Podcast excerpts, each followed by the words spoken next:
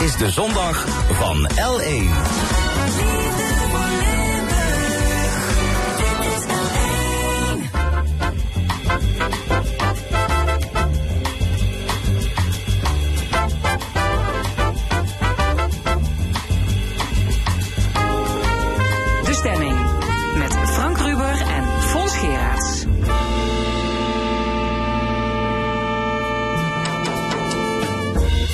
Welkom bij de stemming. Over anderhalve week zijn de verkiezingen. En daarom presenteren we, presenteren we een serie verkiezingsdebatten met Limburgse kandidaten.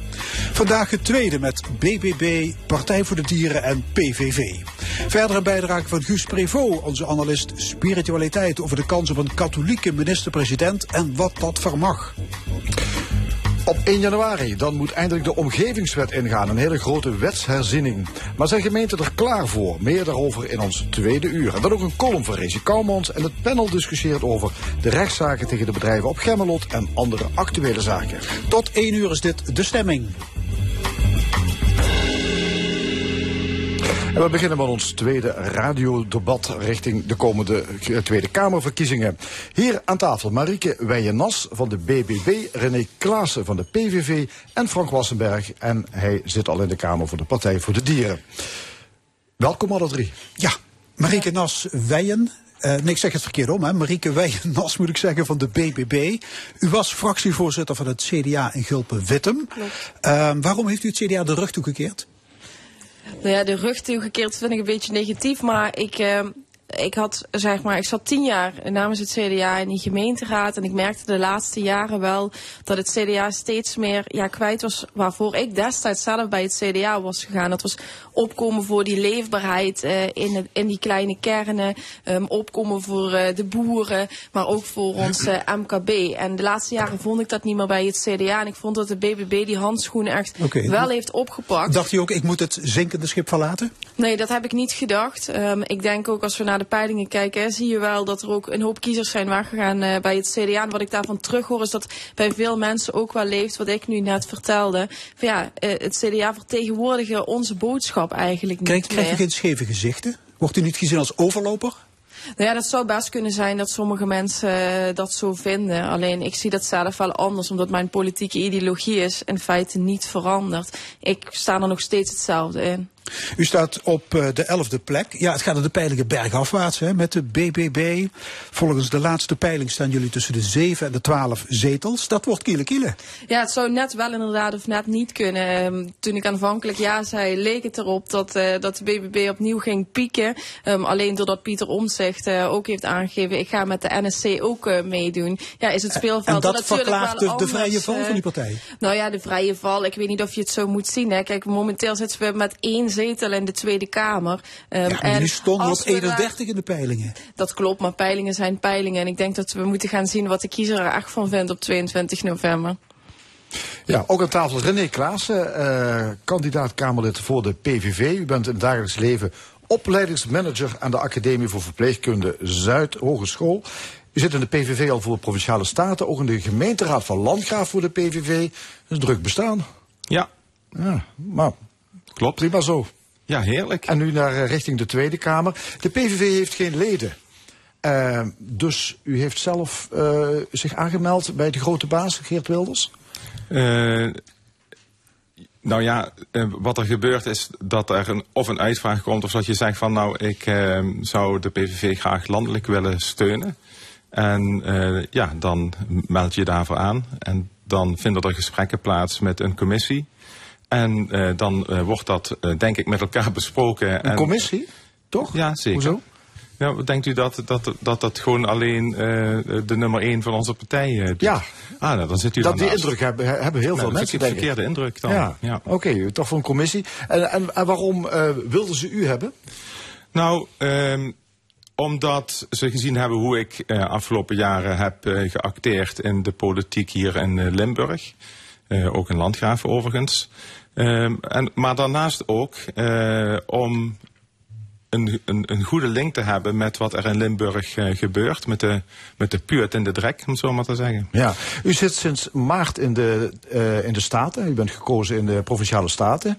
Um, en u gaat nu eigenlijk alweer weg, wil weggaan naar Den Haag. Is dat ook niet uh, ja, heel snel toch je kiezer een beetje teleurstellen? Nou, ik heb die vraag wel vaker gehad. En mijn antwoord is dan dat Um, bij onze partij heel veel mensen kiezen voor de, uh, voor de partijideologie. Uh, voor wat we willen bereiken in Nederland. En dat we dat ook proberen te doen via de gemeenteraden en uh, de provinciale staten. en dat de kiezers die op ons gestemd hebben en die op mij gestemd hebben, diezelfde ideologie neem ik mee naar Den Haag. Dus in die zin stel ik ze zeker niet teleur. En daarnaast, de fractie is niet weg. En de fractie zal, die zou de standpunten uh, natuurlijk blijven behartigen voor de Limburgers.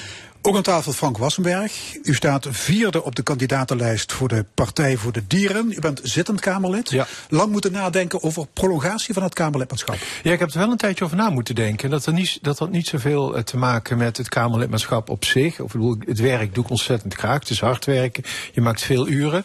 Maar wat ik wel merkte, en dat is zeker als Kamerlid uit Limburg, is dat het heel moeilijk is om je Kamerlidmaatschap toch te combineren met een privéleven. Want ik woon natuurlijk in Limburg. Door de week woon ik in Den Haag. En je merkt dat je echt in twee werelden woont. Uh, vrienden en zo wonen hier. Mijn familie, groot deel van mijn familie woont hier. Dus ik merkte wel dat het lastig was om dat te combineren. En wat gaf de doorslag om het toch te doen? Omdat ik uh, afgelopen jaren best veel voor elkaar heb gekregen. En ik had echt het idee dat er nog veel meer in het vat zat. Uh, het kabinet is natuurlijk na 2,5 jaar uh, gevallen. Ik was er echt in geslaagd om een aantal goede banden op te bouwen met Kamerleden van hele andere fracties. Uiteindelijk moet je het altijd met elkaar doen. Bedoel, je moet altijd coalities proberen te vormen. Nou, dat was goed gelukt. En ik had het idee, er zit nog veel meer in. Dus ik ben nog lang niet klaar ja. met wat ik allemaal wil doen. Er was flinke heibel binnen de Partij voor de Dieren. Hè? Fractievoorzitter ja. Ouwehand die stond op voet van oorlog met het inmiddels opgestapte partijbestuur. Is de rust enigszins weergekeerd? Ja, de rust is echt wel weergekeerd. Ik moet zeggen, het heeft mij ook zelf uh, echt pijn gedaan. Ik, ik, ik ken Esther natuurlijk goed, en, maar ik ken het bestuur ook goed. Dus ik, ik zag echt met ledenogen aan hoe dat escaleerde. Ik heb ook geprobeerd om daar zelf nog een rol te spelen. Ik heb veel gesproken met Esther en met het bestuur. Alleen ja, niemand is erin geslaagd nee. om dat uh, goed af te laten lopen. Uiteindelijk is het bestuur opgestapt. En de timing komt niet ongelukkig. De timing kon niet, kon niet ongelukkiger. Wij stonden in die tijd ook op, uh, op 11, uh, 12 zetels in de peilingen. Allemaal verdampt, die zetels? Niet allemaal verdampt, want we, we staan nog steeds uh, redelijk goed in, uh, in de peilingen. We zijn wel wat virtuele zetels uh, verloren. Maar ik ben blij dat het nu gewoon helemaal achter de rug is. En dat we gewoon echt ons weer bezig kunnen houden met de zaken die er te doen. Want wat ik ontzettend jammer vond, was dat we ons met die ruzies bezig hielden, terwijl er zo verschrikkelijk veel te doen was als het gaat om natuur, dierenwelzijn, klimaat. Dus ja, eindelijk kunnen we nu ons weer ja. met die zaken We staan voor een betere wereld, maar een eigen huis is het uh, Ja, dat klopt. Bonje. Nee, we hebben het wat uh, was een bonje inderdaad, was vervelend. Ja, we gaan een uh, aantal onderwerpen van uh, jullie verkiezingsprogramma's die gaan we doornemen. Uh, we beginnen bij migratie. Dat is, het, ook het onderwerp waar natuurlijk het kabinet op gevallen is. Um, ja, René Klaassen, um, de PVV die schrijft in het verkiezingsprogramma dat de asielinstroom ontwrichtend is voor onze samenleving. Waar ja. ziet u dat dan? Nou ja, dat, dat zie je elke dag. Um, we zagen in de, in de krant, um, in de Telegraaf, dat, dat, dat een grote meerderheid van Nederland moeite heeft uh, uh, met uh, de, de, gevolgen van het inkomen, ten gevolge van het, het, het stikstofbeleid, energieproblematiek, maar daarnaast ook dat mensen gewoon graag een eigen huis willen hebben. En we zien in Nederland in het algemeen toch dat ze wel proberen te bouwen, maar door stikstof dat niet lukt. En als er huizen gebouwd worden, statushouders voorrang krijgen. Of dat er voor statushouders wel heel snel plekken worden gerealiseerd waar zij kunnen wonen. Niet achteraan sluiten en de gewone Limburger, de gewone Nederlander het nakijken heeft. Um, dus ja, ik zou zeggen, kijk om u heen en u ziet de ellende daarvan. En ja, als wij als partij vinden dat dat genoeg genoeg is, en gelukkig vinden velen met ons dat ook. Ja, nou ja, de Partij voor de Dieren zit daar anders in, uh, Frank Wassenberg. Want ik zie in jullie verkiezingsprogramma staan dat het quotum uh, zelfs nog wel omhoog mag. Uh, als je kijkt naar het, het, het VN-quotum uh, om vluchtelingen op te vangen. Er mogen er nog meer bij van de Partij nou, de Dieren. Als je kijkt naar de, de migratie, ook in Nederland, dan zie je dat het grootste probleem eigenlijk door een hele andere vorm van migratie komt. Want er zijn in 2021, ik geloof dat dat de laatste officiële cijfers zijn, ongeveer 400.000 mensen naar Nederland gekomen. Maar er blijkt voor het allergrootste deel zijn dat arbeidsmigranten, vaak uit Polen, uit Roemenië, die hier heel beroerd werk komen doen. Daar gaat het dus echt om 130.000 mensen. Daarnaast zijn er nog ongeveer 120.000 buitenlandse studenten die hier komen studeren. Dus daar zit echt vaak de pijn. En zeker als je naar die, die arbeidsmigranten kijkt, die worden echt onder erbarmelijke omstandigheden gehuisvest. Je zou het bijna als een moderne vorm van slavernij kunnen zien. Dat drukt ook weer heel erg op de woningmarkt, die eigenlijk dus daardoor ontwricht raakt. Maar dat zijn dus gewoon eigenlijk hele malafide uitzendbureaus die die mensen hier naartoe haalt. Ze echt onder erbarmelijke omstandigheden huisvest. En daar zit het probleem. Dat zou je aan moeten pakken. En wat je ook aan zou moeten pakken, en dat zie je met name in de studentensteden, is dat het verdienmodel van universiteiten is om zoveel mogelijk buitenlandse studenten hier naartoe te halen. Want voor elke student krijgt een universiteit collegegeld. Nou, de Nederlandse, ik zou bijna zeggen, vijver met studenten is natuurlijk beperkt. Dus op het moment dat je de, de, de universiteit niet meer met elkaar concurreren om Nederlandse studenten, dan gaan ze de netten uitgooien in het buitenland. En dan gaan ze die buitenlandse studenten actief hier naartoe halen. Maar dat drukt ontzettend ook weer op de woningmarkt. Dus daar zit echt het probleem. En dan gaat het om 120.000 ja, studenten. Snap het. Arbeidsmigranten en de buitenlandse studenten, zegt u, daar zitten we het probleem. Ja, u, u mag, als het mag, u, u maakt een brugje van dat de, de Partij van de Dieren er anders in zit. Maar dat is dus echt maar op een hele kleine fractie dat zij er dan wellicht anders in zitten. Want van een groot deel wat meneer Wassenberg zegt, onderschrijven wij natuurlijk ook. Ja, Oké, hier, ook hier aan tafel uh, Marieke Weijenas van de BBB. Uh, ik zie in jullie programma staan dat jullie maximaal 15.000 asielzoekers binnen willen laten. Uh, dat is dus de, de, groep, uh, ja, de groep die vanwege gevaar voor eigen leven naar, naar Nederland komt. 15.000 maximaal. Maar kun je dat aan een maximum aantal, kun je dat inderdaad eraan koppelen? Want ja, als ergens de pleuris uitbreekt, weet je dat er meer asielzoekers komen. Ja, waar het de BBB vooral om gaat, is dat we zien dat door hè, die gigantische toestroom die we de laatste jaren hebben gezien, dat er ook veel voorzieningen in ons eigen land echt onder druk zijn komen te staan. Kijk bijvoorbeeld uh, naar de zorg, maar ook de woningmarkt. En daarom heeft de BBB ervoor gekozen om echt een bedrag op te nemen, of een, eh, een concreet getal op te nemen in het verkiezingsprogramma. Dat zijn die 15.000.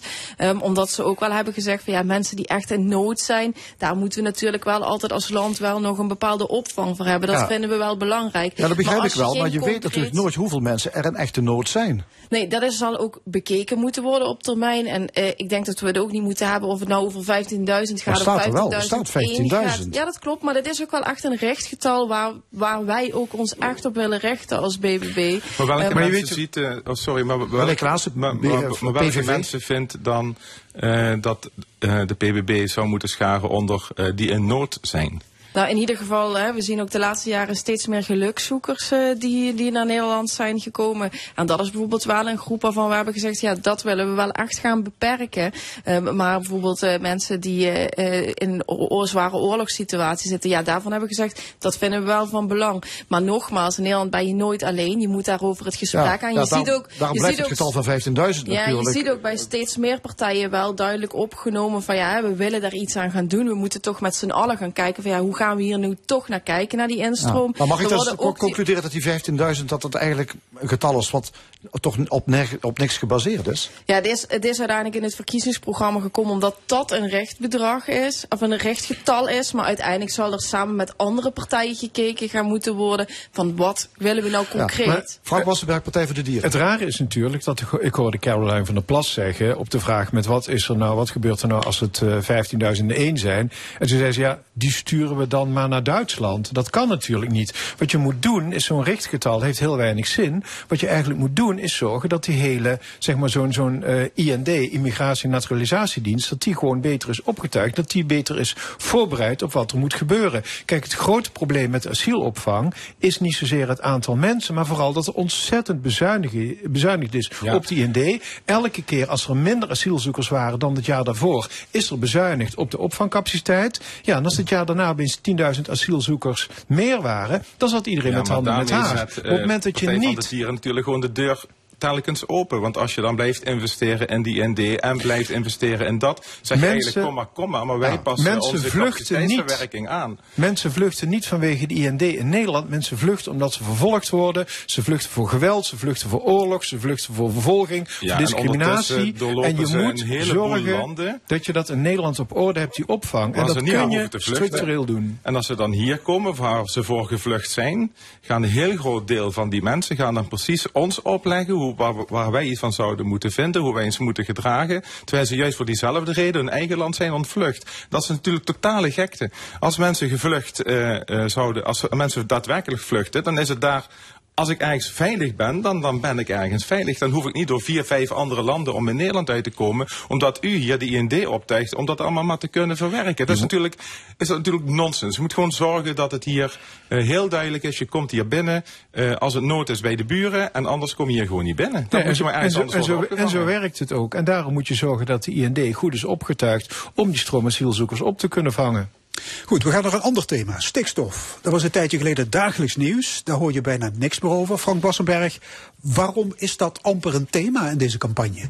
Stikstof. Ja, dat verbaast mij ook, want het is eigenlijk een thema dat alle andere thema's ook raakt. Want als je bijvoorbeeld gaat naar de woningbouw, naar de ontzettende eh teloorgang van onze natuur. We hebben een gigantische biodiversiteitscrisis. We hebben op dit moment nog 85, pro- of 85 procent van de biodiversiteit, het aantal planten en dieren, van 100 jaar geleden is verdwenen. We hebben nog maar 15 procent over in vergelijking met 100 jaar geleden. En we hebben natuurlijk een gigantisch eh, klimaatprobleem. En voor een heel groot deel is dat te wijten aan de intensieve veehouderij, die heel veel stikstof uitstoot, die ook heel veel CO2 uitstoot. Dus die bijdraagt aan het stikstofprobleem.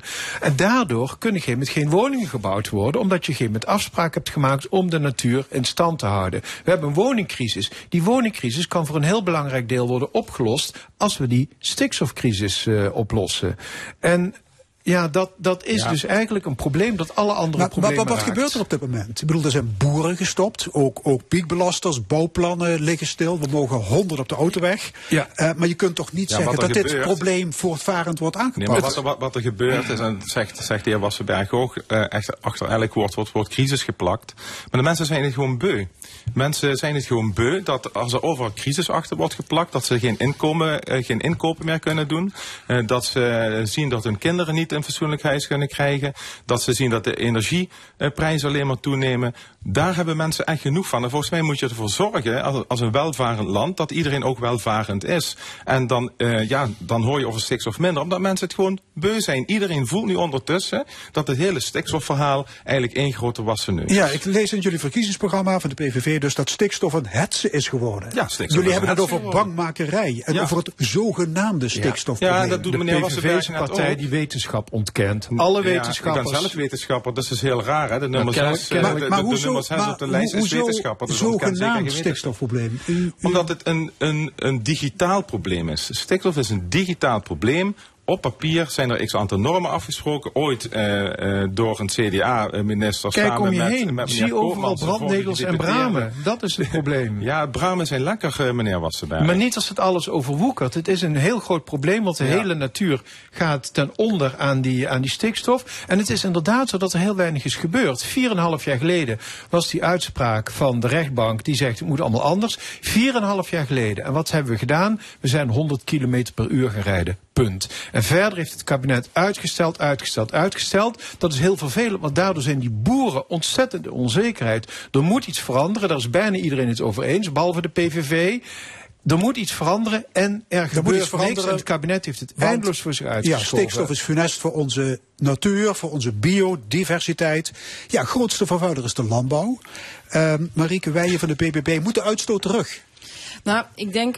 Was ik, ik heb net even ook die, die discussie aangeluisterd die er ontstond hierover. Maar ik denk als we even dat stikstofdossier pakken, dan zie je ook dat Caroline van der Plas eh, namens de BBB daar de laatste jaren ook echt wel fel op heeft gezeten. Nee, omdat maar je moet ook de, zag- moet de uitstoot terug? Nee, maar ja ik nee? wil even mijn verhaal Ja? afmaken. Bij die, dat die boeren, zeg maar, de hele tijd in een soort eh, verdomhoekje zijn eh geduwd. Van ja, zij zijn, het, eh, zij zijn ons probleem van de stikstof. En als die boeren weg zijn, of in ieder geval flink worden ingekrimpt, dan is ons stikstofprobleem is de grootste uitstoter van Ja, maar stikstof. dat is ook nooit gezegd door de BBB, want dat wordt vaak gezegd. Hè, van ja, ze ontkennen dat dat, dat dat er allemaal iets mee te maken heeft. Dat is niet zo. Het grootste punt van de BBB is geweest, ga nou dat samen doen met die boeren. Ga nou samen met ze in gesprek. Oké, maar nu de vraag, moet Ja, maar- de uitstoot van stikstof Ja, terug, ja. substantieel? Dat hebben, daar, daar zijn we ook duidelijk over. Hè. Er moet iets gebeuren Kijk, qua en daar gaat duurzaamheid, het mis. innovatie. Daar gaat maar, het mis. De BBB roept dus gewoon, daar moet het terug. En dan komt u er niet onderuit om die boeren te gaan pesten. U kunt wel zeggen, we zijn er voor de boeren. Op het moment dat u roept, die stikstof moet terug. Terwijl in Duitsland en België en andere landen gebeurt het allemaal niet. U zegt de stikstof moet terug. Met andere woorden, de boeren moeten weg. Dat is gewoon wat u Nou, zegt. nee, maar dat, ik denk dat dat ook echt een, een misvatting is. Want die boeren worden elke keer weggezet alsof ze niet zouden willen innoveren en willen verduurzamen. En ik hoorde zelfs dat eh, Frans Timmermans, de leider van GroenLinks PvdA, eh zei in een debat onlangs... Ja, ik heb ook gesproken met die jonge boeren. En ik was eigenlijk wel verrast hoe deze mensen vooruit willen. ehm, en hoe die de toekomst voor zich zien. En dat is ook veel meer... Ja, die heeft dat jaartal lijn. 2030 laten vallen. Ja, dan is het wel nog maar de vraag waar die dan wel mee komt. Hè? Want als het dan over 2031 gaat, ja, dan is het ook geen goed Ja. verhaal. Ik denk dat we die tijd voor ons uit moeten schuiven. Maar ik denk dat het ook veel meer moet gaan van ja, hoe kunnen we samen tot iets komen. En dat is ook een van de grootste punten die wij daarin Daar ben ik met je eens. En ik denk Wassenberg, trouwens, Partij voor de Dieren. en dat is misschien verras je dat, maar ik denk dat we meer boeren nodig hebben, maar minder dieren. En als je naar het beleid van de afgelopen jaren gaat kijken, zie je dat er elk jaar 2.500 boeren verdwijnen. Dat zijn boeren die op een gegeven moment de, de, de, de slag om de, hoe groter het bedrijf kan aan, eh, wordt, niet, niet kunnen eh, volgen. Boeren verdwijnen dus. En de bedrijven die overblijven, die worden groter en groter en groter en die stoten meer uit. Wat we nodig hebben, is dat we die boeren helpen naar een duurzame landbouw. Dat kan bijvoorbeeld veel meer plantaardig zijn. En we hebben echt veel en veel meer boeren nodig. Die op een hele goede manier samen met de natuur een eerlijke boterham kunnen verdienen. Daar moeten wij als overheid de boeren steunen. Dus we hebben niet minder boeren nodig, maar we hebben meer boeren nodig. Maar we hebben wel minder dieren nodig. Ja, en als En dat die omslag die ja, want jullie zijn voor inkrimping van de veestapel met, dacht ik, 75 procent. ik in dit 75 programma. Ja, dat kan inderdaad ook. Daar ben je heel veel problemen bij kwijt. Daar ben je, dan, dan draag je echt bij aan de klimaatoplossing. Dan draag je bij aan het herstel van de natuur. Hoe draag En je je bij aan draagt de ook bij aan de volksgezondheid. Want er sterven per jaar, zegt de Gezondheidsraad, e- of 11.000 mensen per jaar. En dat gebeurt vooral in gebieden, zeg maar meer dan normaal. In eh, gebieden met intensieve veehouderij en in gebieden met zware industrie. Dus de zware industrie en de intensieve veehouderij, dat zijn de ziekmakers. Op het moment dat je de intensieve veehouderij aanpakt, dan pak je ook die problemen aan. Dus je moet minder dieren houden, maar je hebt wel meer boeren nodig om die plantaardige van de transitie- René Klaassen, van PVV. Eerst wat Partij van de Dieren deed met corona was de mensen bang maken, zoonose. Het is een zoonose en er komen er nog meer. Be aware, we gaan allemaal Ja, dood. dat zegt trouwens niet de Partij de ja, Dieren, dat zeggen alle virologen in Nederland. en dat zeggen ja, alle dat neemt u dan graag over. op het maar, gebied maar van het- eh, het- medische Maar het dilemma is, u maakt mensen gewoon bang. Maar er zit wel iets in het verhaal wat u aangeeft. Is dat er innovatie nodig is. eh, dat boeren moeten kunnen zich ontwikkelen hoe zij dat eh, willen. Maar dat moet dan niet opgelegd worden onder de nom eh, onder, onder het mom van stikstof. Dat is gewoon een normale ontwikkeling waar bedrijven door kunnen maken. Maar u legt dat op. Net als zeggen, dat boeren zeggen ja, een vrijwillige uitkoop. Amahula, dat is geen vrijwillige uitkoop. Ja, uiteindelijk zeggen ze wel ja, maar omdat ze hun werk niet meer kunnen doen. En ik was benieuwd, u zei eh, dat de boeren in relatie tot, tot, tot klimaat, waarschijnlijk in uw ogen weer een crisis. Maar wat draagt dat bij aan, het, aan, aan klimaat? Wat heeft dat met CO, CO2 te maken? De in intensieve godsnaam? veehouderij stoot ontzettend veel CO2 uit en stoot eh, CH4 uit, methaan. Wat een Methaan, veel ja. sterker broeikasgas is. 80 keer zo sterk als CO2. Ja. Dat is, de, de veehouderij draagt ongeveer voor 20% bij aan, het mondiale, aan de mondiale eh, opwarming. Dus op het moment dat je de veehouderij aanpakt, pak je daarmee ook die U klimaatverandering weet aan. net als ik dat de mondiale opwarming is een, een cyclisch verhaal van alle tijden. Het verschuiven van aardplaten. eh, sociale ik zal- activiteit. maar klimaat vindt u u gooit- Nee, maar nee, maar Ook onzin, hè? We laten- we laten Nou, de ik vind verschil- klimaat geen onzin. Wij, wij, wij spreken over kli- klimaatadaptatie, omdat een klimaatverandering is van alle tijden. Alleen nu wordt het gegooid alsof het door CO2 zou komen en dan gaat Nederland eh, gaat de wereld eh, redden. En ik vind het ideologisch en ik Klimaat- waardeer dat ook zeer van de Partij van de Ja, maar Dieren. de Klimaatverandering is wereld iets dat zich over duizenden jaren afspeelt en nu gaat het echt in enkele, zelf. en nu Zou- gaat het in enkele decennia. Het is volkomen Ja, ik wil nog over tot dit slot iets zeggen, want ik vind dat het continu alleen maar altijd over stikstof gaat. Maar de primaire vraag die we moeten beantwoorden is ook, willen we die boeren behouden voor Nederland uh, op een goede manier? Want wij denken als BBB dat die echt essentieel ook zijn voor onze economie, voor de werkgelegenheid, et cetera. Ja, Wassenberg zegt, denk, want dan moeten juist meer boeren komen. Ja, en ik denk, ja, maar dat is op een andere manier hoe de heer Wassenberg ja, dat wel invullen. En er zitten toch wel echt essentiële uh, verschillen in hoe die agrarische sector er dan uit zou moeten zien. Maar voor ons is die agrarische sector wel echt absoluut essentieel. Oké, okay, tot, zo, tot zover even de verschuiving van de aardplaten en uh, andere nieuws over de boeren. Uh, we gaan naar de, de regio, jullie aandacht voor de regio. In de BBB zegt, er is in Nederland sprake van institutioneel urbanisme in het overheidsbeleid. Legt u eens uit wat dat is? Nou ja, ik denk dat de BBB daar vooral mee bedoelt. Dus dat ze zeggen, ja, er is heel erg veel gefocust vanuit Den Haag op die, op die stedelijke gebieden. En niet meer op die regio. En dat is iets wat ik zelf ook echt heb ervaren. Ik ben dan gemeenteraadslid geweest in Gulpenwit en ben geboren en getogen ook uh, ja, in Zuid-Limburg. Eerst op je ijs, nu woon ik dan in, uh, in Gulpen. En ik heb dat ook wel echt aan de lijve ervaren. Dat je merkte dat Den Haag uh, die decentraliseert dan bijvoorbeeld de zorg naar die gemeentes. Maar vervolgens komen die gemeentebegrotingen totaal onder druk te staan. Daar hebben we geen geld meer om dat bijvoorbeeld in de gemeenschapshuizen te stoppen. of een nieuw voetbalveld aan te laten en dat werkt weer totaal door op die leefbaarheid en die kernen.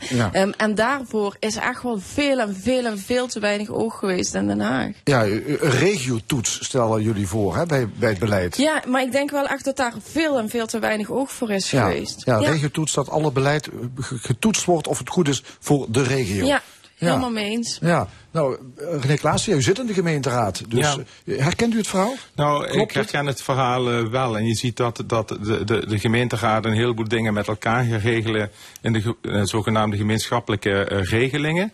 Um, en die zijn voor een heel groot deel zijn dat, zijn dat hele goede regelingen. Alleen het lastige is, is dat uh, met dat soort regelingen vaak wel een raad wat buitenspel staat ja. als het gaat over de financiering en de keuzes die ja. daarin moeten worden. Zo'n regiotoets, zou dat een goed idee zijn? De regiotoets zegt me heel even niet, als ik heel eerlijk uh, ben. Uh, maar even vanuit de PVV gedacht zouden, vinden we het wel interessant dat een regio zich wel sterker organiseert. Omdat we natuurlijk op lange termijn graag zouden zien dat zo'n provinciale uh, staten als middenbestuur langzaam zou, uh, zou verdwijnen. Ehm, dus dan moeten de regio's wel sterker ontwikkeld zijn. Maar ook met, met mandaat, maar wel met behoud van de volksvertegenwoordiging en de rechten wat volksvertegenwoordiging heeft. En daar gaat er nu af en toe mis. En we zien inderdaad dat er grote opdrachten liggen bij die gemeentes, maar dat de ondersteuning daarvan in de uitvoerbaarheid, kijk naar de jeugdzorg recent, het gaat helemaal mis. Ja, daar, daar, daar moet wel eens beter naar gekeken worden. En ja, ik deel dan ook wel de mening uh, uh, van haar dat we zeggen, ja, daar moet het Rijk misschien wat beter naar kijken en ook de voelspriet aan uit hebben ja. Uh, Frank Wassenberg, Partij voor de Dieren. Ja, een gezonde aarde begint misschien inderdaad bij het nobelschap in de regio. Dat klopt. En ik denk dat er inderdaad ook eh, vanuit Den Haag meer aandacht moet zijn voor de regio. En als ik het dan heel concreet mag maken, als ik dan kijk naar Limburg. Wat ik bijvoorbeeld ook heel belangrijk vind, is dat er gewoon veel beter, dat er veel betere verbindingen zijn. En dan kijk ik bijvoorbeeld naar het openbaar vervoer. Ja, ik de Maaslijn? De Maaslijn, nou laat ik het eerst even op, op, op nationaal niveau houden. Ik vind het nog altijd krankzinnige niet uit te leggen. Dat als jij van bijvoorbeeld een, een, een stad als Roermond naar Nijmegen gaat, dat je dan een uur lang in een van de boemeltje uh, zit.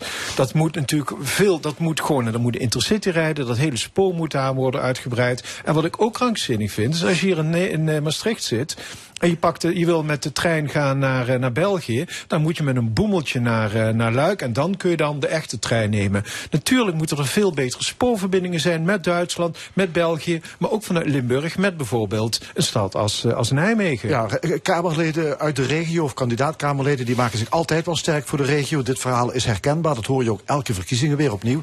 Maar is het dan toch niet zo als je in Den Haag in die grote fractie zit, het gaat toch altijd weer over de Randstad?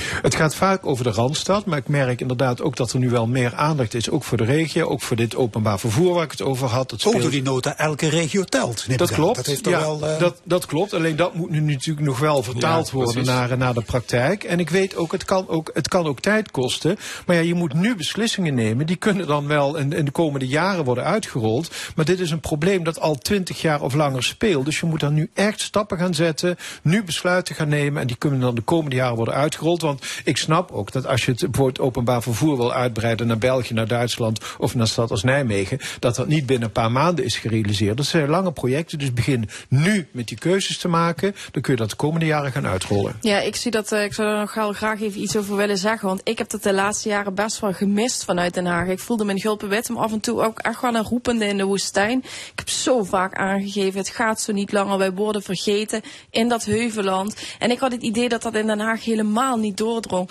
Ook niet bij die Limburgse Kamerleden die er wel zaten. En daarom vind ik het net zo belangrijk, omdat ik deze regio ook echt super goed ken, dat ik ook die echte Zuid-Limburgse stem kan zijn in Den Haag. Goed, ik wil jullie een paar losse stellingen voorleggen. Om te beginnen eentje van de PVV. Geen miljarden euro's naar een oorlog die de onze niet is. Geen defensiematerieel zoals F-16's naar Oekraïne. Die houden we lekker zelf. René Klaassen van de PVV mag Poetin de hele Oekraïne inlijven. Nou weet u, ik zal iets volgende vertellen. Ehm, eh, daar waar het gaat over geopolitiek, zal ik met no- nog niet gekozen Kamerlid eh, en eh, wel alsnog als provinciale vertegenwoordiger heel weinig antwoord kunnen geven. Ik, ga niet over eigen- maar u geopolitiek. kent uw eigen verkiezingsprogramma. en toen u het las, dacht u toen van Nogmaals, goede zaak ik- of niet? Of Nee, ik ga over geopolitieke vragen ga ik geen antwoord geven. Iemand anders over die stelling? Ik ben bang dat het eh, ook onze eigen oorlog is. Als je ziet dat Poetin een, een, een, een tot dusver bevriend eh, buurland binnenvalt met grof geweld. Eh, hij heeft gekeken met waar de grens ligt en, en eh, of er überhaupt werd ingegrepen. Hij heeft gehoopt dat er eh, minder eh verenigd, zeg maar een verenigd Europa zou zijn. Gelukkig was dat, eh, was dat wel zo. Ik vind het een afschuwelijke oorlog. Ja, maar, maar, maar geen Nederlands materieel voor de Oekraïne? ik ben bang dat we wel Nederlands materieel naar Oekraïne eh, moeten sturen. Want Oekraïne heeft die hulp nodig van, eh, van alle landen, ook van, eh, van Nederland. Maar ik vind het een verschrikkelijke oorlog. Nou ja, laat ik vooropstellen dat ik het een vreselijke, vreselijke oorlog eh, vind. Ehm, en dat we als Nederland wel altijd hulp moeten bieden daar waar, eh, daar waar nodig. Goed, andere stelling en wel van de BBB. Wolf, das en bever moeten worden beheerd. Eh Marieke Weijen, is beheren een eufemisme voor eh, afschieten? Nee, zeker niet. Maar ik denk wel, en, en dat is hè, hoe, dat, hoe dat ook opgenomen is. We moeten dat wel met z'n allen heel erg goed in de gaten houden. Want ja, we hebben wel gezien toen die wolf eh, terug was eh, in Nederland. Ja, daar hebben we toch best wel eh, wat, ja, vooral ook Ja, moet de schapenhouders wolf, heel veel de wolf last Nederland uit?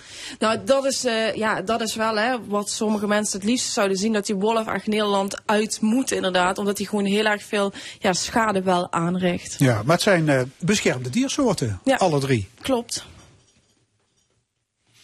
Frank Wassenberg, voor wolf, de Dieren. de wolf is de beste natuurbeheerder van Nederland. Je ziet op de Veluwe, dat is een heel groot gebied...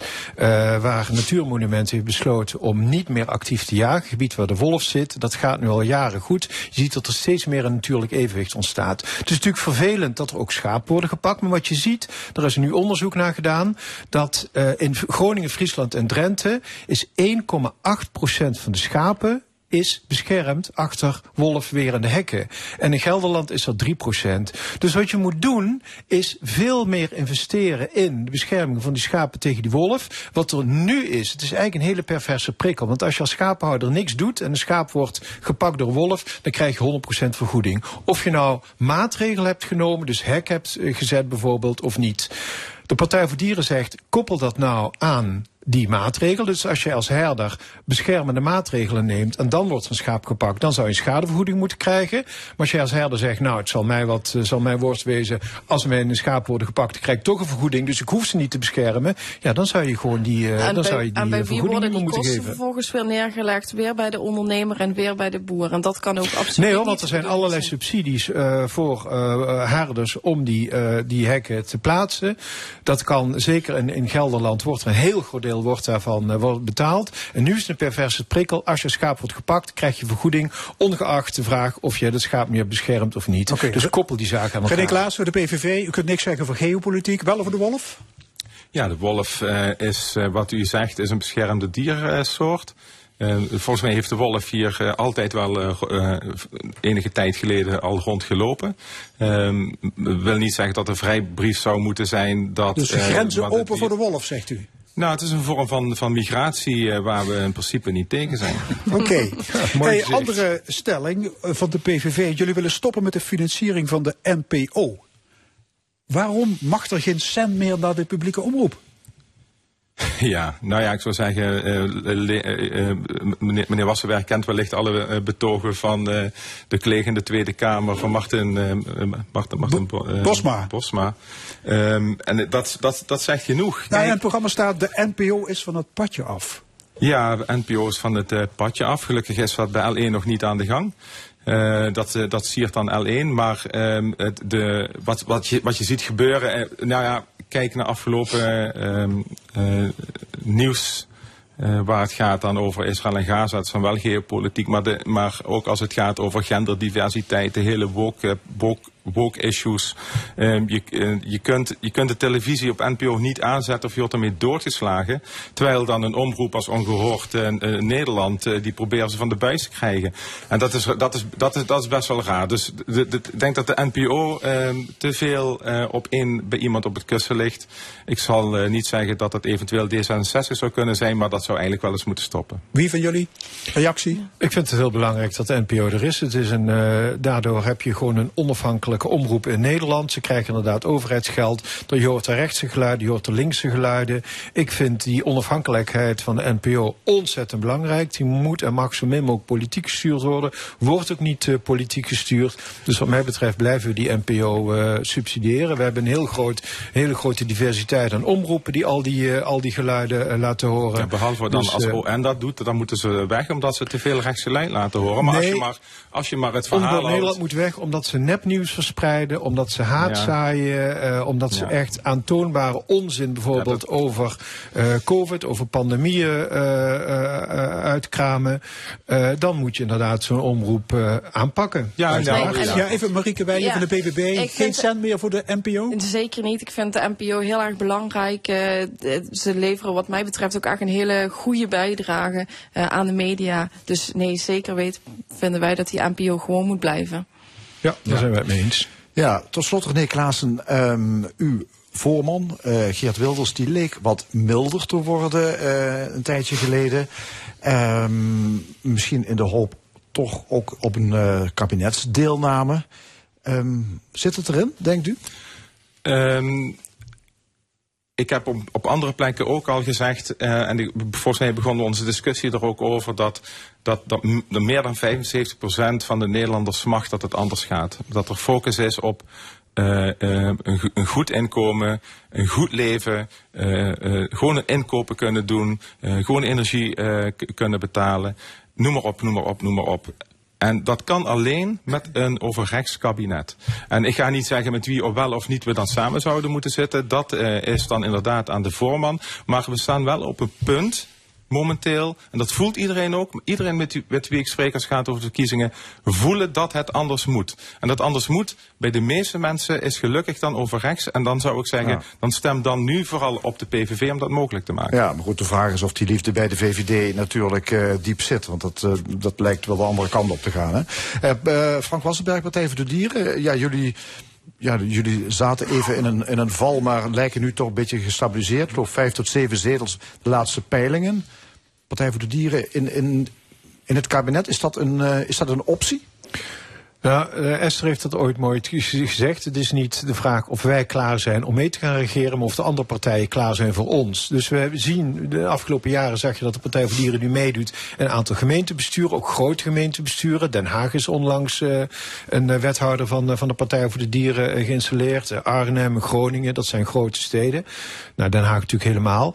Dus op het moment dat er dadelijk een, een kabinet komt waarin wij een belangrijk deel van onze punten kunnen realiseren. En zit ik eerder te denken aan een kabinet met bijvoorbeeld eh, PvdA GroenLinks, eh, misschien met D66.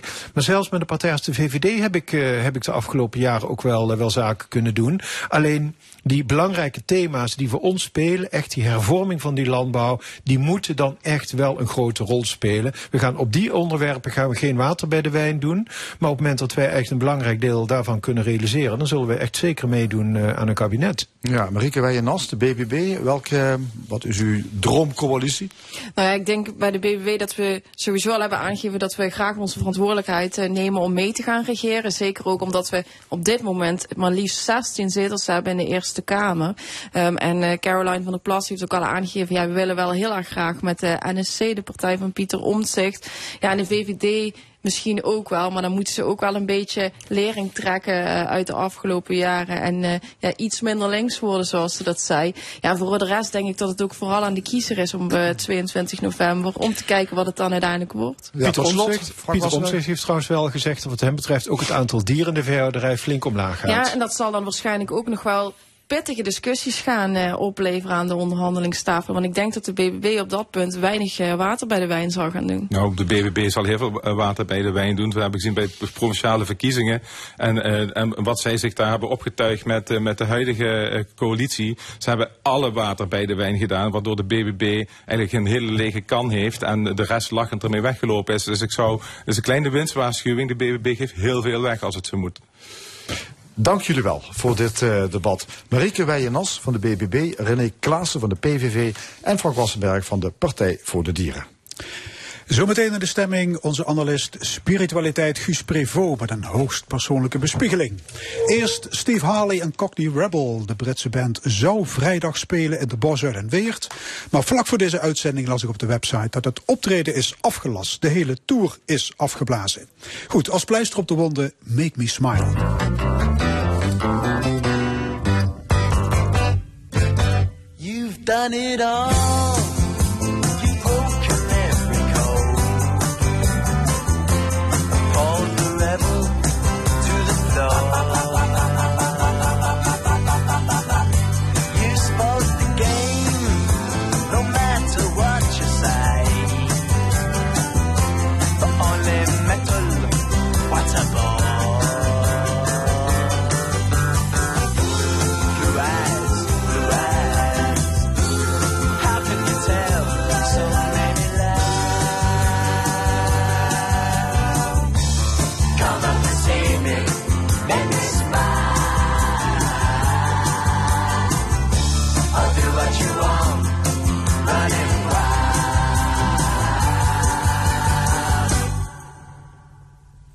There's nothing left, all gone and run away.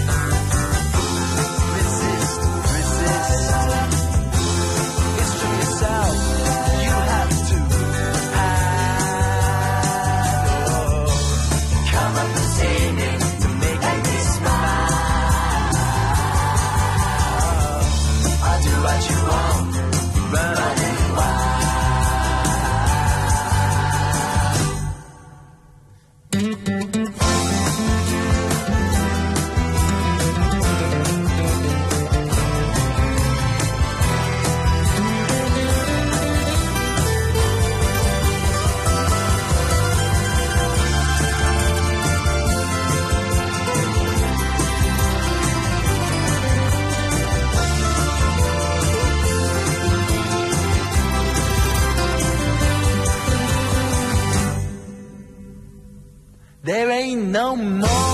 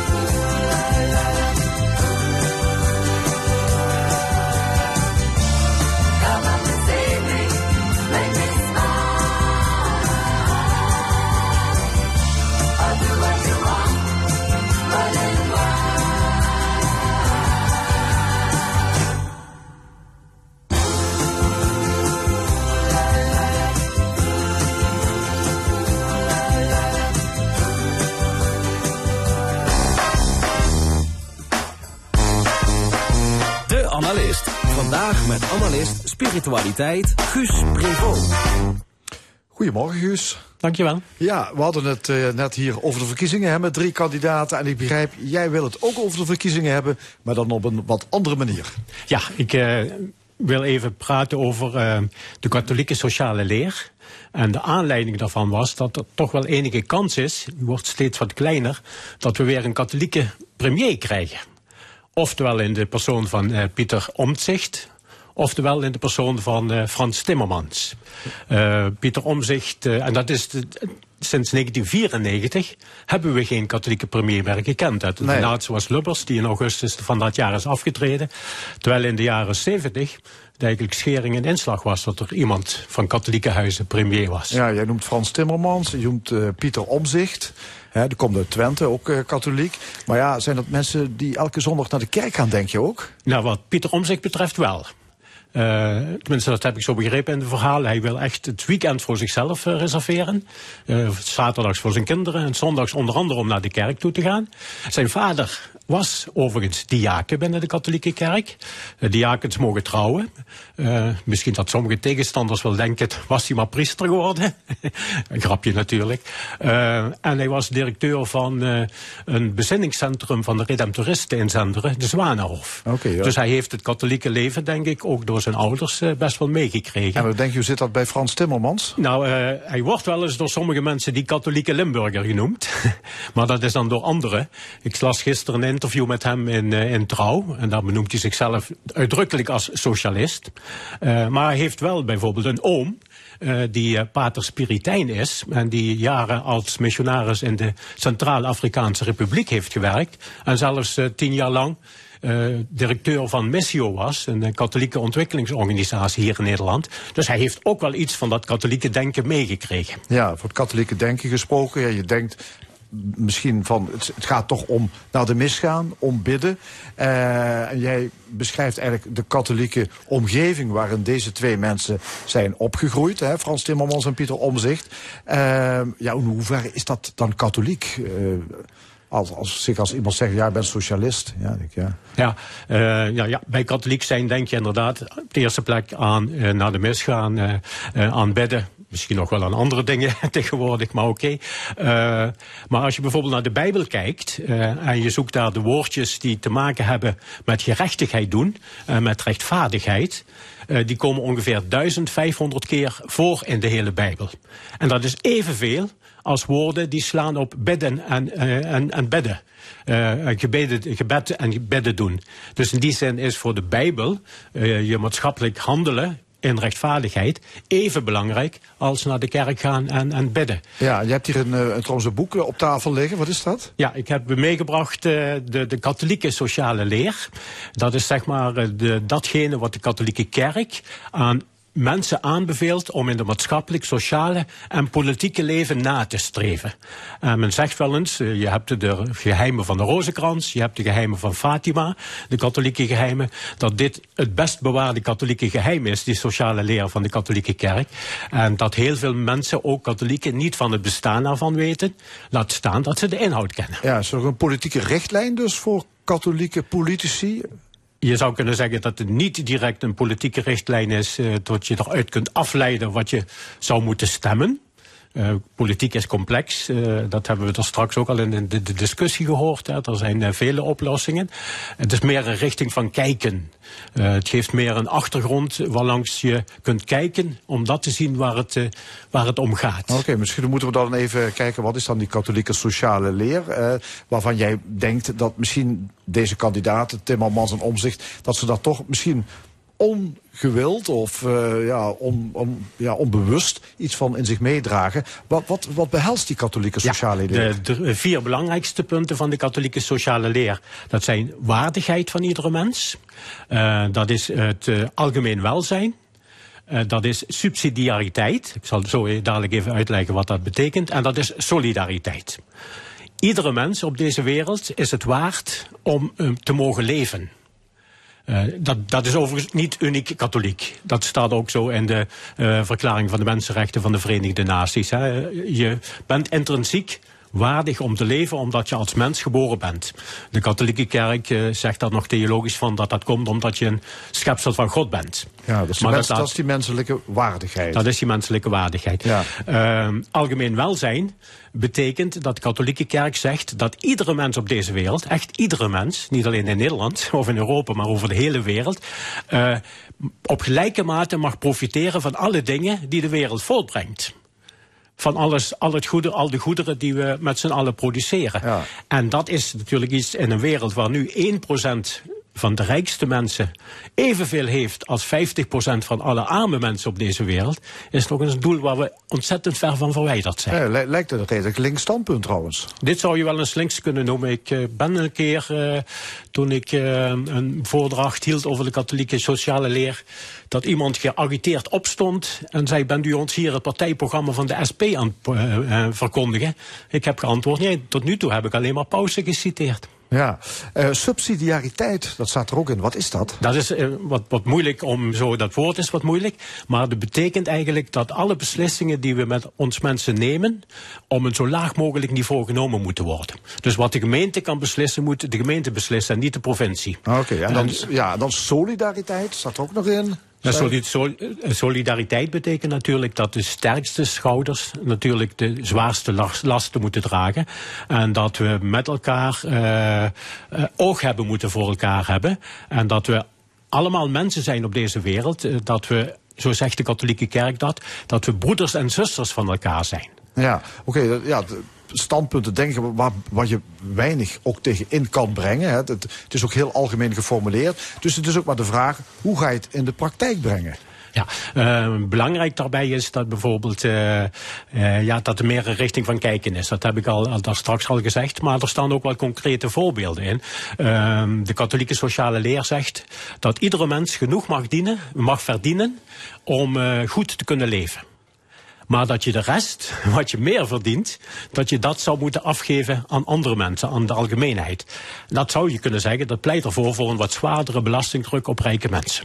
Die kunnen overigens ook uit eigen beweging natuurlijk eh, eh, geld aan de gemeenschap geven en aan, aan goede doelen. Heel belangrijk binnen kat- katholieke sociale leer is ook de duurzaamheid.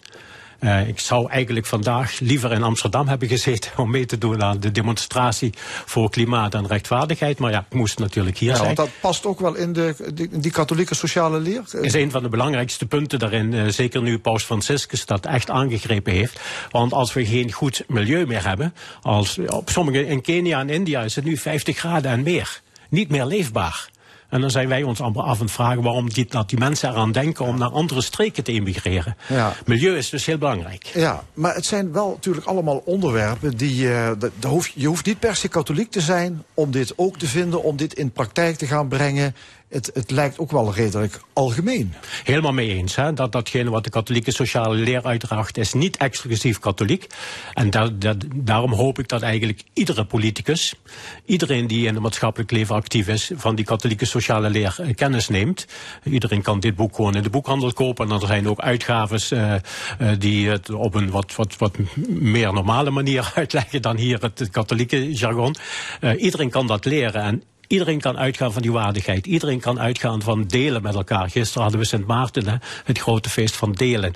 Iedereen kan uitgaan van solidariteit met elkaar. Iedereen kan voor zichzelf opkomen en andere mensen meehelpen om voor zichzelf op te komen. Dus in die zin is het zeker niet exclusief katholiek. Nee, maar toch om naar jouw begin terug te gaan. Je zegt er zijn twee kandidaten, eh, premierskandidaten. Nou ja, goed, omzicht wel of niet premierskandidaat. Laten we even buiten beschouwing. Frans Timmermans wil dat natuurlijk wel heel graag.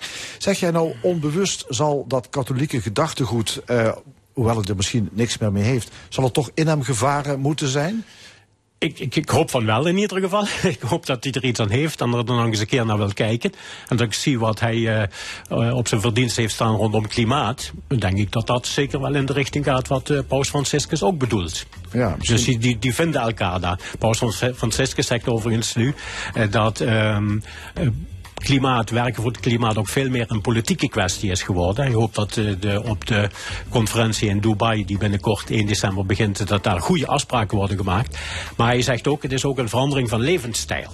we moeten met minder toe. Het gaat niet over anders auto rijden. Het gaat erom dat we minder auto rijden. Dat we minder vlees eten.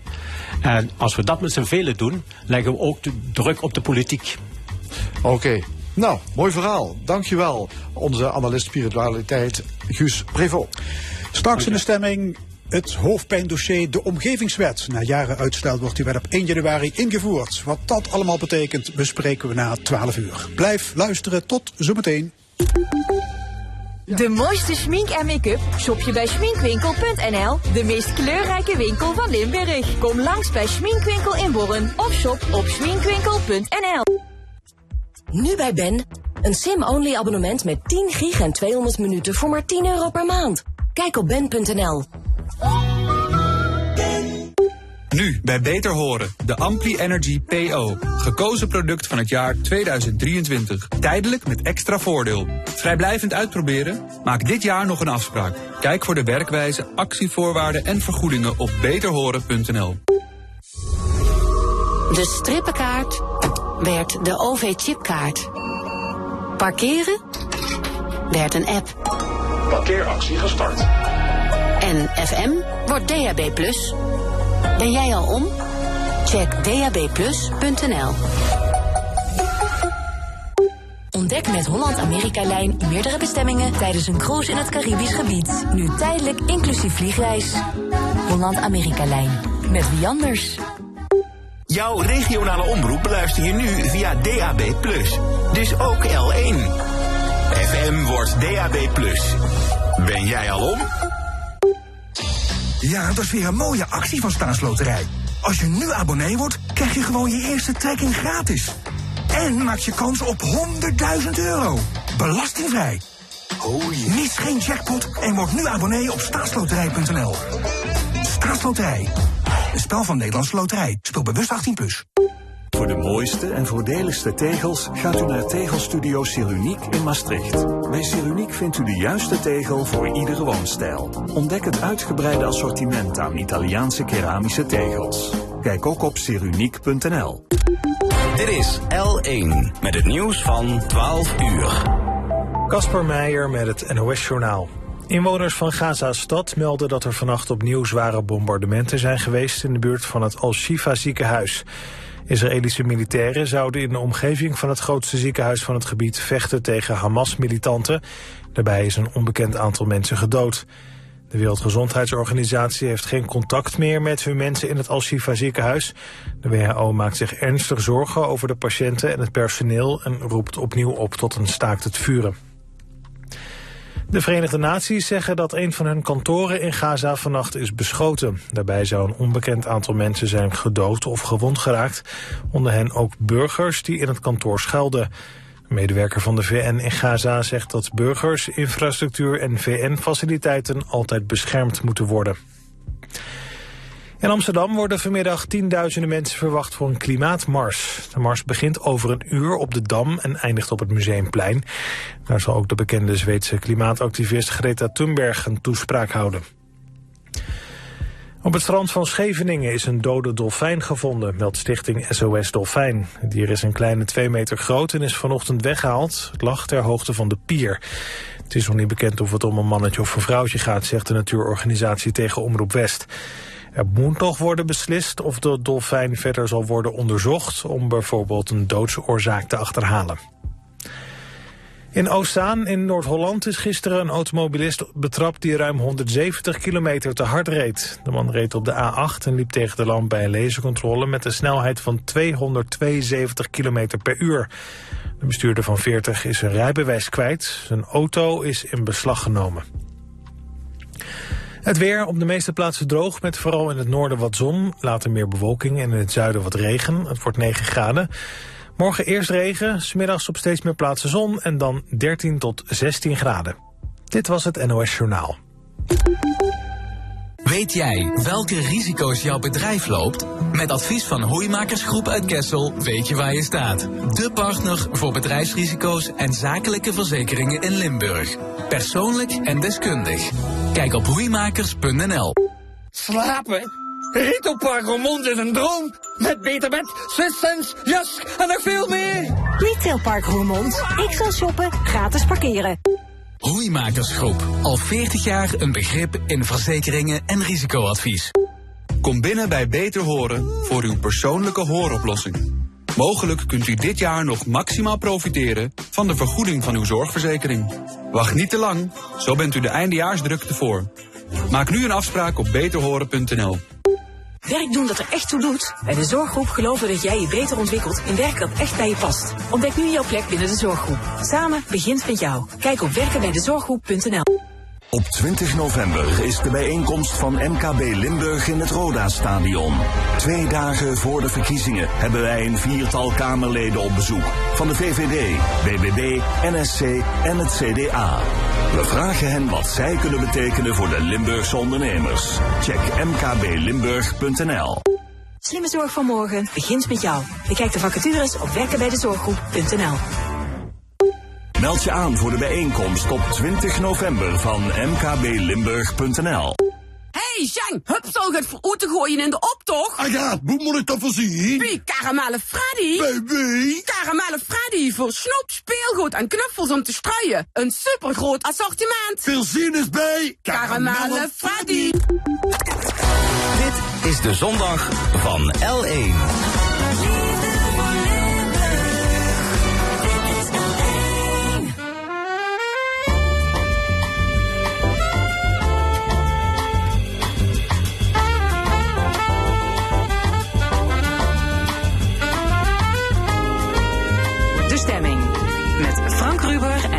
En Fons Geraerts.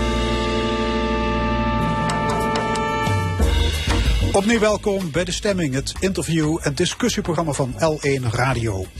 Wat allemaal in dit tweede en laatste uur. Over 25 minuten discussieert het panel met Monique Parre, Luc Wienans en Armo Leenaars over chemische bedrijven in de beklaagde bank en andere actuele zaken. Een column van Rezi Koumans, maar eerst de omgevingswet. Ja, die wordt eindelijk ingevoerd en wel op 1 januari. De omgevingswet is de grootste wetswijziging sinds 1848. De bedoeling is dat tientallen wetten en honderden richtlijnen op het gebied van de ruimtelijke ordening en milieuvergunningen worden samengevoegd. Het moet allemaal simpeler en dus sneller. Na vijf keer uitstel treedt de wet over een paar weken dus echt in werking. Hoe gaat het uitpakken in de praktijk? Aan tafel adviseur Trace van der Schoot en wethouder Ralf Diederen van Beek. Trace van der Schoot, u bent juridisch adviseur, kenner van de omgevingswet. Kunt u in klare taal uitleggen wat die omgevingswet behelst? Ja, eh, de omgevingswet is op de eerste plaats een hele grote juridische verandering. Want als je bijvoorbeeld naar de discussie van vanochtend kijkt, daar komt van alles voorbij. Er komt de wolf voorbij, dat is natuurwetgeving. Er komt stikstof voorbij, dat is milieuwetgeving. Er komt woningbouw voorbij, dat is de wet ruimtelijke ordening, crisis- en herstelwet, WABO en nog wat wetten. Zo hebben we voor ieder probleem, sinds 1965 hebben we een wettelijke regeling bedacht. En nu zitten we op het punt dat we voor alleen de fysieke leefomgeving, dus alles wat er om ons heen uh, zich bevindt. Wat je ziet, hoort, ruikt, voelt en wat je niet ziet, voelt, ruikt en hoort maar wat er wel is. Um, ja, daar hebben we nu 40 wetten voor, honderden ministeriële regelingen en uh, 120 ANVB's. En daar komt één wet voor terug, vier algemene maatregelen van bestuur en één ministeriële regeling. Ja, u zegt er zijn honderden, honderden ja. regels en voorschriften op dat gebied. Hoe kun je dat nu samen bundelen in één wet? Worden dan veel regels geschrapt? Ja, dat is een tour de force geweest. Daar is op uh, rijksniveau ontzaglijk hard aan gewerkt. Tussen 2011 en 2015 is de wet uh, tot stand gekomen. Daarna zijn er nog aanvullingswetten ingesluist. Bijvoorbeeld aanvankelijk zat de natuurwetgeving er niet in. Die zit er nu wel in. Ja, nee, maar bedoel, dat gaat uh, niet in, in, in nietje door al die regelingen. Nee, nee. Dus nee. er verdwijnt, er wordt een heleboel geschrapt, of ja, niet? Ja, je moet dus je voorstellen, we hebben een heel ingewikkelde winkel gemaakt van ons omgevingsrecht. En nu hebben we besloten, die winkel, dat werkt niet meer. En dat hoor je vanmorgen ook, het loopt allemaal vast op allerlei fronten. En we gaan nu die winkel eens een keer grondig renoveren en verbouwen. We gooien weg wat we niet meer nodig hebben of wat niet, niet, niet werkt. En we gaan met één nieuwe winkel werken waar je alles weer goed kan vinden. Want het gaat nu allemaal veel te langzaam, veel te stroperig. Nou ja, kijk, dat het langzaam gaat. Hè. Er wordt altijd gezegd, moet sneller, sneller, sneller. De procedures gaan nu al veel sneller dan toen ik vroeger begon. Dat, dat, is al, zijn we vergeten, want ik ben in 1988 begonnen. Dus hoe toen was, dat weet niemand meer. Heb ik overigens wel in mijn boekje beschreven, zodat we weten waar we vandaan komen. Maar toen ging het allemaal een stuk langzamer. Het gaat op zich nu sneller, maar dat het vastloopt, dat komt omdat we heel veel mensen heel veel meer standpunten hebben. En vanuit die standpunten hun reacties gaan geven op die besluiten. Nou, daar kan je mee naar de rechter. En vervolgens zitten rechters met uh, ondercapaciteit. Dus je bent dan gauw drie jaar verder als iemand in beroep gaat. En ga, nou zorgt de omgevingswet voor dat de gemeenten hun procedures sneller moeten doen. Maar je hebt straks 8 tot 14 weken in plaats van 26 weken. Maar ja, als er maar één mens in beroep gaat, ben je toch even ja. goed. Die Maar even, even een concreet voorbeeld. Ik, ik wil een dakkapel. Of ik wil een, een boom kappen. Of ik wil een straatfeest organiseren. Daar hoef ik straks niet maanden op te wachten. Nou, voor de dakkapel sowieso niet. Want voor zover ik weet is die onder bepaalde voorwaarden vergunningsvrij. En dat blijft ook zo. Nee, stel dat je straks een woonwijk wil bouwen. Je bent ontwikkelaar, je wilt ergens een woonwijk bouwen. Dan heb je nog maar twee procedures om uit te kiezen. Je hebt er nu een stuk of twintig, denk ik, hoe je... Hoe je uh, je hebt er al elf in de kruimelgevallenregeling. Je hebt er een Dus- stuk of vier in de Oké, crisis. dus aannemers die krijgen het een stuk makkelijker. Nee, want het probleem zit hem niet in de wet. Het probleem zit hem in die keuzes waar we het vanmorgen over hebben. Als je een woonwijk wil bouwen, wat wil je dan bouwen? En waar? En ga je daar een stukje landbouwgrond voor opofferen? Of moet het komen op waar al iets stond? Of ga je er een monument verslopen? Of, het is de eh, keus die daarachter zit. Dat maakt dat de procedures lang duren en dat eh, het ingewikkeld is. Ja, ik ga naar Ralf Dieteren, wethouder van Beek. Eh, krijgen burgers en gemeenten door die omgevingswet ook meer te vertellen? Nou, de omgevingswet ziet er natuurlijk wel op dat participatie een veel prominentere rol krijgt dat je het ook moet eh, regelen.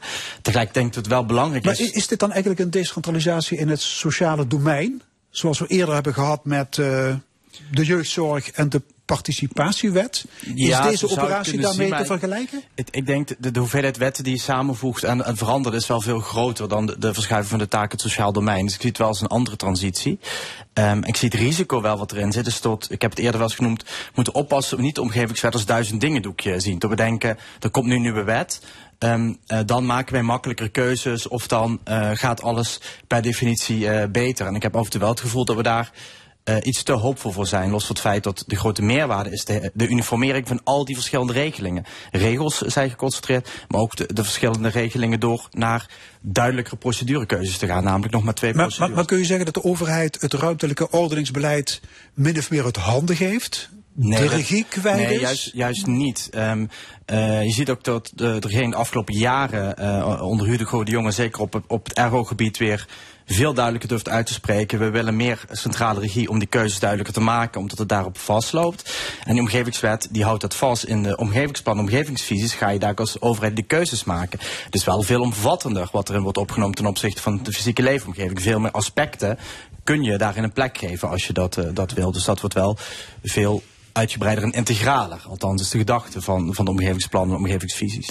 Nou, Invoering ik, van de, eh, ja, Therese van der Schoot, ik- adviseur. Ik denk dat het, ehm, ehm, de belangrijkste verandering van de omgevingswet is dat straks bij alle besluiten staat dat je de, het besluit moet nemen met het oog op de doelen van de wet. En nu zijn we gewend om te kijken van eh, wat staat er in de wet, wat mag dan en wat mag, dat gaan we doen. Straks zit er een opdracht in de wet van wat goed is aan kwaliteit moet je behouden, wat slecht is aan kwaliteit moet je verbeteren. En dat moet je doen met het oog op de doelen van de wet. En dan heb je het over gezonde leefomgeving, een veilige omgev- leefomgeving, omgevingskwaliteit, inherente natuurwaarden, duurzame ontwikkeling. Dat breng je dus bij elkaar. Maar je zult altijd moeten motiveren aan de hand van doelen. En wij zijn gewend aan een juridische sturing. Kijk in de regels en wat de regels voorschrijven, dat mag. Daarom hebben we nu ook een stikstofprobleem, want je mocht met je milieuregels zakken tot een bepaald minimum. En daar zijn we naartoe gezakt, want dat mocht. Los van de vraag of dat goed was, dat mocht. En vervolgens komen we er nu zoveel jaren later achter, oh, dat minimum is eigenlijk iets te ver doorgeschoten. Dat hadden we niet moeten doen. Straks moet je kijken, wat zijn de doelen van de wet? En als je omgevingskwaliteit, je milieukwaliteit slecht is, heb je de opdracht om dat te gaan verbeteren. Uh, als de milieukwaliteit goed is en de omgeving, heb je de opdracht om dat te behouden. Dus je krijgt beleidssturing in plaats van juridische ja. sturing. En wat gaat de gewone burger merken van die wet? Nou, Half Dieteren? Uh, vanaf 1 januari uh, Um, wordt dat wel uh, uitdagend, denk ik. Uh, je ziet dat de digitale infrastructuur, dat daar wel nog vraagtekens zijn, zeker bij gemeenten, is dadelijk het, het, DSO, zoals het heet. Hè. Eigenlijk moet je zien als één digitaal loket en dan moet je iedere procedure kunnen starten. En het idee is dat in de toekomst ook je vrij makkelijk door een aantal uh, keuzevragen te doorlopen, inzichtelijk krijgen wat moet ik nou doen. Uh, alleen je ziet dat dat uh, nog niet klaar is. Ik zie ook een beetje. Nee, want, want de invoering van de wet is al vijf keer uitgesteld. Ja. Er wordt al dertien jaar over gesteggeld. Ja. Het is een kar met vierkante nee, dat is wielen. Niet juist. Er wordt niet al dertien jaar over gesteggeld. De wet is al heel ja. lang klaar. Die is was voor corona al klaar. Er wordt ja, ja, maar nog altijd nee, niet geïmplementeerd. Nee, er wordt gesteggeld over de vraag of het digitale stelsel, wat het gemakkelijk moet maken, want straks doet jij je locatie in en daar verschijnt op welke regels gelden ja. en of je vergunning of dat soort dingen nodig of dat digitale stelsel wel goed genoeg werkt. Ja, dan moet ik even uitleggen. Dus het, het, fundament, van de wet. het fundament van die omgevingswet is een Digitaal gigantische stelsel. landelijke databank genaamd DSO. Ja. Maar de software, dat is de Achilleshiel. Ja, en de wet zelf niet. Want je kon met die wet al in 2016 kon je al mee aan de slag. Ja, dus de wet is keer op keer uitgesteld. 2020 was die helemaal klaar. Ja, maar omdat de datasoftware die was, Ja, die was niet op orde. wel dat die werkt niet. op het moment dat de software die je nodig hebt om een vergunning, vergunning aan te vragen niet werkt, uh, dat wel natuurlijk in, in de uitvoering Ja. het fundamenteel probleem is. En Dus het kan uitdraaien op een totale chaos nou, vanaf ik denk, 1 ik denk dat we dus heel erg moeten nadenken denk hoe, we- hoe we die invoering gaan, gaan doen. Hè? En dat we Ja. ons moeten wapenen op het feit dat de software niet klaar is. Dus dat weet je, dus daar kun je op andere manieren mee Ja. omgaan. Want de theorie is, ik, maak me, ik vraag me af of het in de praktijk gaat werken, dat je dadelijk heel veel mensen zelf door, door doorheen te klikken tot een antwoord komen. Maar er zitten best wel veel complexe vragen in, tot we veel dingen rekenen met elkaar. Dus in Beek heb ik gezegd, nou laten we nou kijken, als we nog niet klaar voor zijn, dat je vrij snel, als je doorklik krijgt, bel even uw gemeente. En dat. Betekent dat wij in overleg gaan en dat wij wel onder het regime van de omgevingswet gaan werken. Maar dat we dat zoveel mogelijk buiten de, ehm, de softwareomgeving doen. Ehm, eh, voor burgers. Omdat eh, ik bang ben dat burgers erin gaan verzanden vanaf 1 januari. Als we daar wel op zouden Ja, gaan maar, maar, vertrouwen. maar zijn de ambtenaren van uw gemeente B klaar voor deze megaklus? Zo Per klaar januari? zijn. Het is natuurlijk een overgang van een, van een systeem. Dus dat, dat is eh, uitdagend. Mensen hebben jarenlang onder, onder het oude regime gewerkt. Dus dat wordt uitdagend om die overgang nu in de praktijk te maken. Maar dat is bij iedere transitie. Maar u heeft twee jaar geleden schreef u een opiniestuk in de Limburger. Ja. Strekking van het verhaal, laten we de Trekken stekker eruit trekken. Denkt u daar nog steeds over? Nee, ik denk dat je dat niet, dat kun je ook niet doen zo kort voor, voor, eh, voor een invoering. Eh, toen was het aan het begin van de nieuwe kabinetsperiode en ik, ehm, ik zie een aantal neveneffecten. Eén, ik, ik ben, maak me heel veel zorgen over de softwarekant. Ik heb zelf bij de rechtspraak gewerkt gezien hoe digitalisering onder druk eh, problematisch kan zijn, omdat, het, omdat dan snel toch eerder beslissingen worden gemaakt. En twee, wat je nu ziet, we willen heel graag bouwen. Ehm, er zijn heel veel vragen, heel grote tekorten in eh, zeker de RO-wereld. En een heel groot deel van mensen in de RO-wereld zijn bezig ook met die overgang naar de omgevingswet. Dus mijn these was, als je hem nu gewoon daar intrekt, kijk hoe je in je huidige procedures een aantal sneller kunt aanbrengen. En al die mensen kunnen weer bezig met vergunningen verlenen. Ja, dan ga je nu op de korte termijn meer zijn vaart maken. Omdat de samenloop van die bergwerk en die transitie Ja. eh, Dat- heel problematisch is. Maar dat nu, is uw ambitie als wethouder. Bouwen en, en nog eens bouwen. U vindt Ja, alles nee. goed, omgevingswet of niet. Nee, maar Zolang er geen vertraging optreedt en de betonmolens Ja, kunnen blijven dat, draaien. het feit is dat we nu problemen hebben gewoon qua capaciteit om het afdoen van, van vergunningen en, en daar, daar voortgang te maken. En dat is volgens mij een, een primair probleem. Daarom heb ik het artikel toen ook geschreven. En dat blijft onder omgevingswet natuurlijk ook een aandachtspunt. Maar je kunt niet nu twee maanden voor, voor intrekken zeggen we gaan het niet meer doen. Want dan creëer je veel meer problemen. Dus nu moeten we er ook doorheen. Alleen moeten we voorbereid zijn tot de software niet werkt. En hoe we nou met de menselijke maat mensen gaan helpen zodat projecten wel voortgang vinden. Ja, nou, en maar ligt een grote taak voor wat ik noem ambtelijk vakmanschap. Om mensen te helpen daarin. Maar de Eerste Kamer heeft pas geleden een motie aangenomen die minister, die minister De Jonge oproept om, uitvoer, eh, om invoering van de omgevingswet voor de zesde keer uit te stellen. Want er zijn veel te veel uitvoeringsproblemen. Dat dreigt een nieuw ICT-drama. Eh, de minister heeft de motie naast zich neergelegd. Trace van der Schoot, wat vindt u? Ja, het is politiek, hè? En het is verkiezingen. Ehm, ik ja, wat vind ik daarvan? Ik eh, kom bij gemeentes die zeggen bij ons werkt het. En we vinden het wel spannend. En ik kom ook bij gemeentes die zeggen, wij zijn blij dat we nog tijdelijk op de oude manier door mogen werken. Die zijn er ook. En uh, er zijn mensen die zeggen van het wordt één groot drama. Maar dan denk ik altijd aan de eeuwwisseling. In 1999 toen uh, dachten we ook, we gaan van de 9 naar de 0. En dan vallen de vliegtuigen uit de hemel en de ziekenhuizen vallen uit en de stoplichten doen het niet meer. Ja, ik kan dat en er niet gebeurde. En er gebeurde helemaal niks. Er gebeurde uiteindelijk nee. niks. En dan kan je achteraf de vraag stellen, gebeurde er nou niks omdat er niks aan de hand was? Of gebeurde er niks omdat we extra alert waren, omdat we bang waren dat er wat gebeurde? En dat zie ik nou ook. Ik zie de meeste gemeenten investeren in dienstverlening. Ze investeren in hun DSO. We laten het zo goed mogelijk werken. Maar we gaan ook tegen mensen zeggen, kom vooral bij ons en dan, uh, dan helpen we jou op weg. En ja, als je zegt, wat gaat de burger ervan merken? De gemiddelde burger bouwt maar af en toe een huis. Uh, vraagt maar af en toe een vergunning aan. Uh, vraagt soms ook geen vergunning aan. Um, er zijn ook burgers die wel veel met het omgevingsrecht te maken hebben. Die hebben van het huidige omgevingsrecht ook buikpijn en hoofdpijn en allerlei andere pijn. Ja, het, het, huidige systeem met al die verschillende wetten, er wordt nu net gedaan alsof dat zo fijn werkt. Maar dat is natuurlijk ja. ook niet het geval. Maar, maar er zijn belangenorganisaties zoals de Natuur- en Milieufederaties en Natuurmonumenten, die zeggen die wet is zo complex geworden, dat is voor de burger onbegrijpelijk. Maar dat gaat natuurlijk... Ook, ook de Nationale ja, Ombudsman, ook de Nationale Ombudsman is heel kritisch. Ja. Even, het, is, ja. het is niet de bedoeling... Nee. Of tenminste, nee, maar krijgen we straks een tweede toeslagenschandaal, omdat mensen kruisjes verkeerd hebben geplaatst? Ja, nou, ik vind gevinkt. Mijn these is dus dat we, dat we heel erg terughoudend moeten zijn met de software te gebruiken en gewoon mensen te begeleiden. Waarom?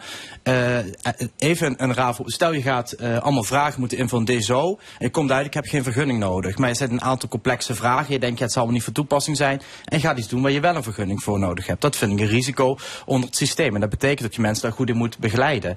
Um, maar ik vind wel dat de huidige wetten zijn ook heel complex. En die, die kan een ja. gewone burger ook niet lezen en snappen. Hè? Dus het gaat er vooral ook om dat we niet van mensen iets moeten verwachten. Um, wat ze niet zelf kunnen, uh, kunnen doen. En dat betekent dat je mensen goed begeleidt. En dat je mensen helpen in procedures en procedures doorzetten voorop stelt. En niet per se via ICT-systemen werken. En daar zit mijn zorg bij, bij DSO vooral. Hè. Dus, dus de, ja, het, want het, de, de, theorie is goed. Alleen uh, de, de praktische uitvoering, dat is nog een ja, en, en zorgenkind. We gaan ook kijken of het dadelijk... Um, uh, ik ben heel benieuwd of we die proceduretijden halen. Hè? Want in principe moet dat binnen acht weken doen. Staat wel geen in die zin uh, consequentie op, zoals het ouderrecht, dat je in gevallen een vergunning voor rechtsweg kunt krijgen. Dat kan dan niet meer. En de vraag is even in de praktijk, gaan we die acht weken halen? Of krijg je gewoon heel veel meldingen, ja sorry, we halen de termijn niet. Of we, we rekken het vooroverleg langs tot we pas later de proceduretijd komen. Maar dat zijn dingen die in de praktijk moeten blijken. Want in de wet staat nu een termijn, dadelijk van de regelingen. Um, gaan we dat in de praktijk ook waar kunnen maken? Nou, dat, dat wordt wel uitdagend, denk ik. Maar het is een ambitie die je moet koesteren. Ja, Trace ik, van der Schoot? ik denk de termijnen halen. Dat wordt heel moeilijk als je de discussies over al die doelen van de wet bij dat initiatief moet doen. Ja. Want dan vliegt iedereen in de standpunten. Dan moet je aan vroegtijdige participatie doen. Maar als iedereen in de standpunten blijft zitten en het gaat over alles, dan lijkt het me een heel moeilijk proces. Dus het stiekem zit er in de omgevingswet de uitdaging van ga je beleid eens op orde brengen. En jullie hadden twee weken geleden in je programma iemand die hier aan het vertellen was van we hebben een stapeling van sectorale beleidsstukken gecreëerd met z'n allen. Nou, ik begeleid gemeentes nu die, uh, die al voorbij 1 januari kijken naar van hoe gaan we dat in de toekomst doen. Die zijn hun beleid aan het inventariseren. Ik had bij één gemeente uh, die hadden na de inventarisatie 160 nota's. Alleen voor de fysieke leefomgeving voor hun gemeente. En die hebben heel veel personeelswisselingen gehad. Waarmee ook heel veel hmm. kennis verdwenen is van de mensen die die beleidsnota's nog ooit begeleid hadden. Dus ja, heel veel ambtenaren hadden zoiets, wij kennen die eigenlijk zelf niet. Toen heb ik hun gemeenteraad gevraagd van hoe gaan jullie je controlerende rol nou invulling geven als je 160 nota's hebt. Die moet je allemaal evalueren, want je moet met de omgevingswet met beleidscyclus werken. Dat is toch niet te doen? Jullie moeten een omslag maken van sectoraal werken naar integraal werken. En dan kan je in je omgevingsvisie vertellen, dat willen we met onze gemeente op al deze thema's. Je kan met een programma werken voor een wijk bijvoorbeeld. En dan kan je de discussie met mensen van waar willen we naartoe doen op wijkniveau. En daar hebben mensen best een mening over. Dan heb je het niet over vakjargon, dan heb je het gewoon over wat vind jij van jouw wijk. En hoe kijk jij naar gezondheid? Want je had het over sociaal domein. Maar de omgevingswet is ook een sociaal domeinwet. Want je moet bijvoorbeeld regels stellen, rekening houdend met gezondheid. Je moet in je beleid een gezonde leefomgeving maken. En als je dan kijkt wat is dan gezondheid, dan heb je het hele sociale domein. Dan heb je het over gezondheidsbevordering. Nou, zo'n discussie moet je niet aan een projectontwikkelaar overlaten die een appartementencomplex wil bouwen. Dat moet je op wijkniveau doen. En als er dan een aanvraag komt van een ontwikkelaar in die wijk, dan kan je aan de mensen meegeven, nou dit hebben we met z'n allen al besproken, dat is het uitgangspunt voor de projectontwikkelaar, maar ook voor jullie. Hoeveel ambtenaren en eh, raadsleden heeft u gecoacht de afgelopen jaren, getraind? Eh, ik ben de tel intussen kwijt. Ik ben eh, veranderd in een soort rondreizend circus. Want ik kom door heel eh, Nederland intussen. En ik denk dat ik bij 100 gemeenteraden ben geweest. En ik ben nu vijf gemeenten concreet aan het helpen met hoe kun je je beleid anders organiseren. Door van, in, van sectoraal naar integraal te komen. Hoe kan je dat vertalen in je juridische regels? En wat doet dat dan? eh, als je daar een initiatief voor hebt. Oké, dus aan u zal het niet liggen als het eh En bij Natuur- en eh, Milieufederatie Limburg ben ik ook geweest. En ik heb ze ook gewezen op dat in hun eigen doelstellingen al een strijdpunt zit. Wat ze eerst zelf moeten. Want ze willen en een duurzame energietransitie Ja. ondersteunen en natuur. En dan heb je al een belangenafweging te pakken. Ik denk wel dat we moeten oppassen, want dat vind ik ook een risico. Dat eh, integraliteit is goed, maar het toppunt van integraliteit is stilstand. Dus je kunt alleen een goede integrale visie maken als je er ook cursus in durft te maken. Want je zegt alles is belangrijk, dan loopt alles vast. Dus dat betekent dat we er ook eh, van de politiek en bestuur lef moeten verlangen. Om dan ook duidelijk te zijn of je bijvoorbeeld woningbouw of natuur in een bepaald gebied belangrijker vindt. En natuurlijk moet er een evenwicht zijn, want die wegen samen af. Maar we moeten niet alles op alles laten wachten. Maar dat is aan de politiek. Oké, we gaan het zien vanaf 1 januari. De Hartelijk dank, juridisch adviseur Trace van der Schoot en Beekse wethouder Ralf Diederen. De Britse groep 10cc scoorde vooral in de jaren 70 de ene na de andere hit. We horen er niet zo heel veel meer van, maar 10cc bestaat nog steeds. En woensdag staan ze in het Parkstad Limburg Theater in Heerlen. Wij draaien alvast Old Wild Man.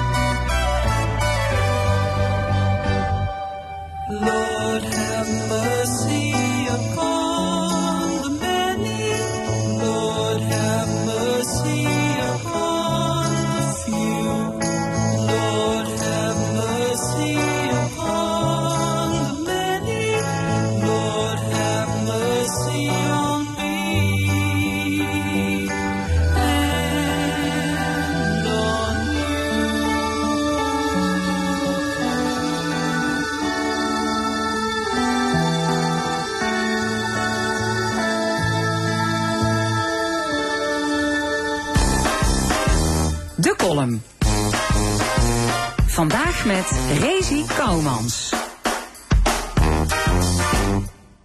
Berlin ist eine Reise wert. Jazeker, ik ben net terug uit deze prachtige stad. Samen met mijn dochter. Want ze wil een moeder-dochter uitje, quality time. En wij hebben echt aan om neer te zeggen. Berlin, zo groot, statig, groen, divers en vriendelijk. Afgelopen vrijdag heb ik deelgenomen aan een brainstorm sessie over city branding van het City Management Remung. Op zoek naar het DNA van ons gemeente.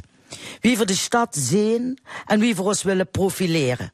Nou, zei ik, als het ook maar een heel klein beetje op Berlin gaat lieken, dan zou ik al tevreden zijn. Berlin. Ook de stad waar onze doodgewaande gast Oewe woont. Dat verhaal zult je herkennen kennen als je naar de podcast van Frans Pollux hebt geluisterd, De Laatste Dans. En Frans was trouwens ook toevallig in Berlin dat weekend. Maar ik heb Frans niet gezien. En ondanks dat we in het homo-kwartier logeerden, Oewe ook niet gevonden. Mijn dochter die was vooral geïnteresseerd in de geschiedenis en met name de moer. Het was pas twee wie die moer viel en hij dus totaal geen idee, gelukkig, van wie het was voor de wende. Mam, zei het, stel dat was hier dan zo, dan hij die moer dus zomaar tussen ons twee in kunnen komen staan. En dan? Zeg ik, ja, en dan? Hij wij dan de moed om met gevaar voor eigen leven door de prikkeldraad te vliegen? Of uit de eerste verdieping naar honger te springen? S'avonds zaten we in een typisch Berlijns café aan de bar.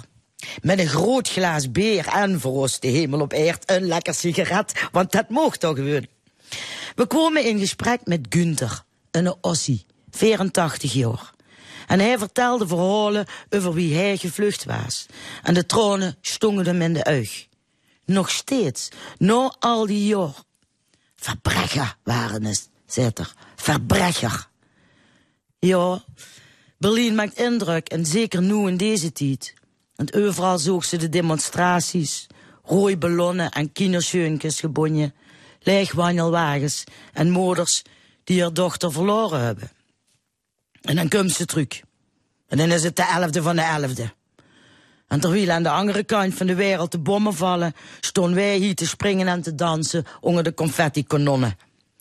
De Belgen die stonden verbaasd te kijken, want voor haar heeft deze dag een gans ander betekenis.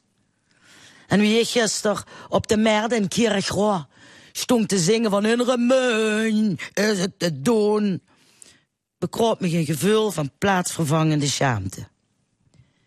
De Duitse filosoof Friedrich Hegel zei, het enige wat we leren van de geschiedenis, is dat van niks leren van de geschiedenis.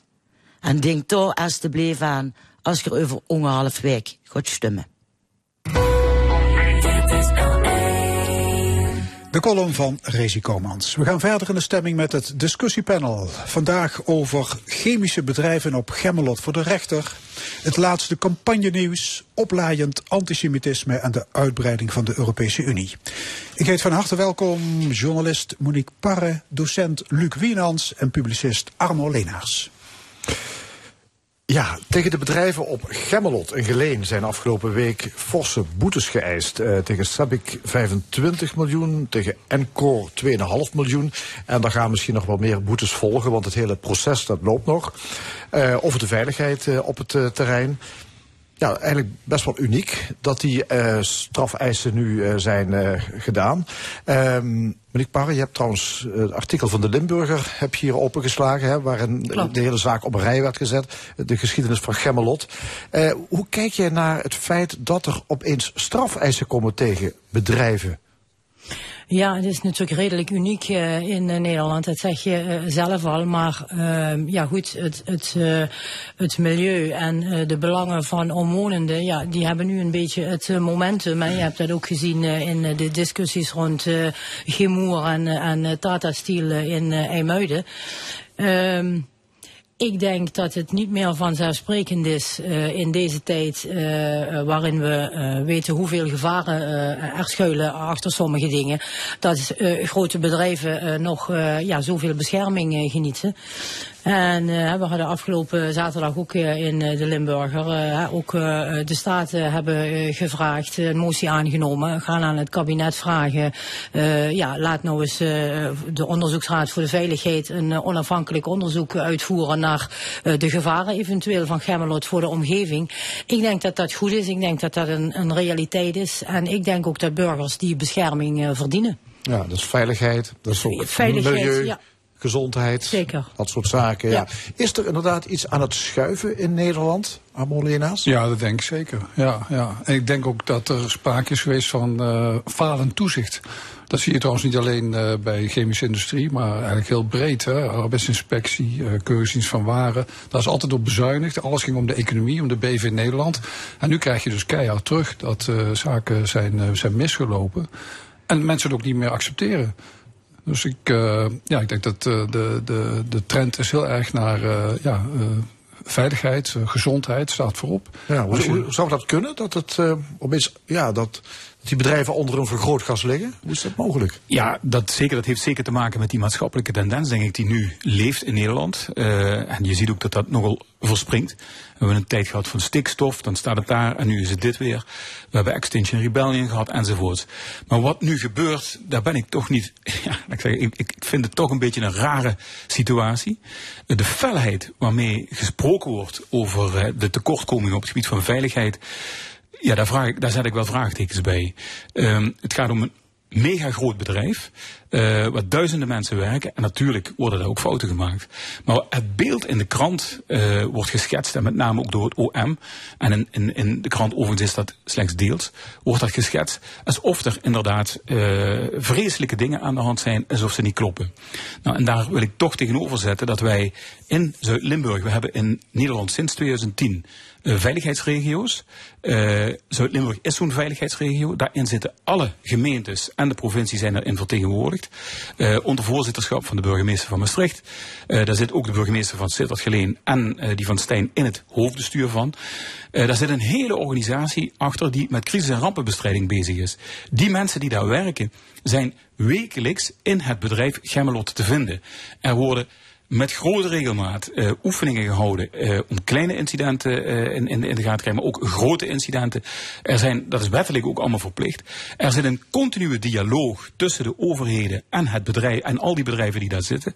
Er wordt dus continu de vinger aan de pols gehouden. Kortom, er is een enorm scala, een enorm netwerk aan veiligheidszaken. En dan toch zegt de openbare aanklager, die zegt, ja, die zegt de openbare aanklager die zegt eh, over Sabik, het is een organisatie die haar werkprocessen niet op orde heeft, die nauwelijks toezicht houdt en niet leert van incidenten. Nou, ik denk dat het punt is, eh, wat Luc opnoemt, dat is natuurlijk objectief gezien allemaal wel zo. Maar ik denk dat het over de hoofden van veel mensen gaat die in die omgeving eh, wonen. Hè, die weten dat allemaal niet. Kijk, wij schrijven ook eh, in ons artikel, nou ja goed, er is al, al decennia lang een heel wankel evenwicht tussen de veiligheid en de bedrijfsvoering. Natuurlijk, op Gemmelot is bijvoorbeeld een brandweerkorps waar 100 eh, brandweerlieden aan verbonden zijn. En dat is daarmee het grootste beroepsbrandweerkorps van Limburg. Maar ja, goed, dat weet niemand. Hè, eh, eh, wij schrijven dat eh, nu in de krant hè, om, om, om mensen dat wat duidelijker te maken. Maar ik denk ook dat heel erg meespeelt dat het is natuurlijk, hè, als je er langs rijdt, het is een, een, een enorme grote site. Je ziet allerlei pijpen, je ziet allerlei gebouwen, er komt rook uit, noem maar op. Het, het lijkt wellicht bedreigender dan het misschien objectief gezien is. Maar veiligheid is natuurlijk nooit objectief. Want wat jij veilig vindt kan anders zijn dan wat ik veilig Nou, vind. gelukkig is daar wetgeving voor. En, eh, en zijn al die bedrijven daaraan onderhevig. Is Ja, maar die dus voortdurend controle Ja. op, de, op de veiligheid van het bedrijf. Kijk, nul risico bestaat niet.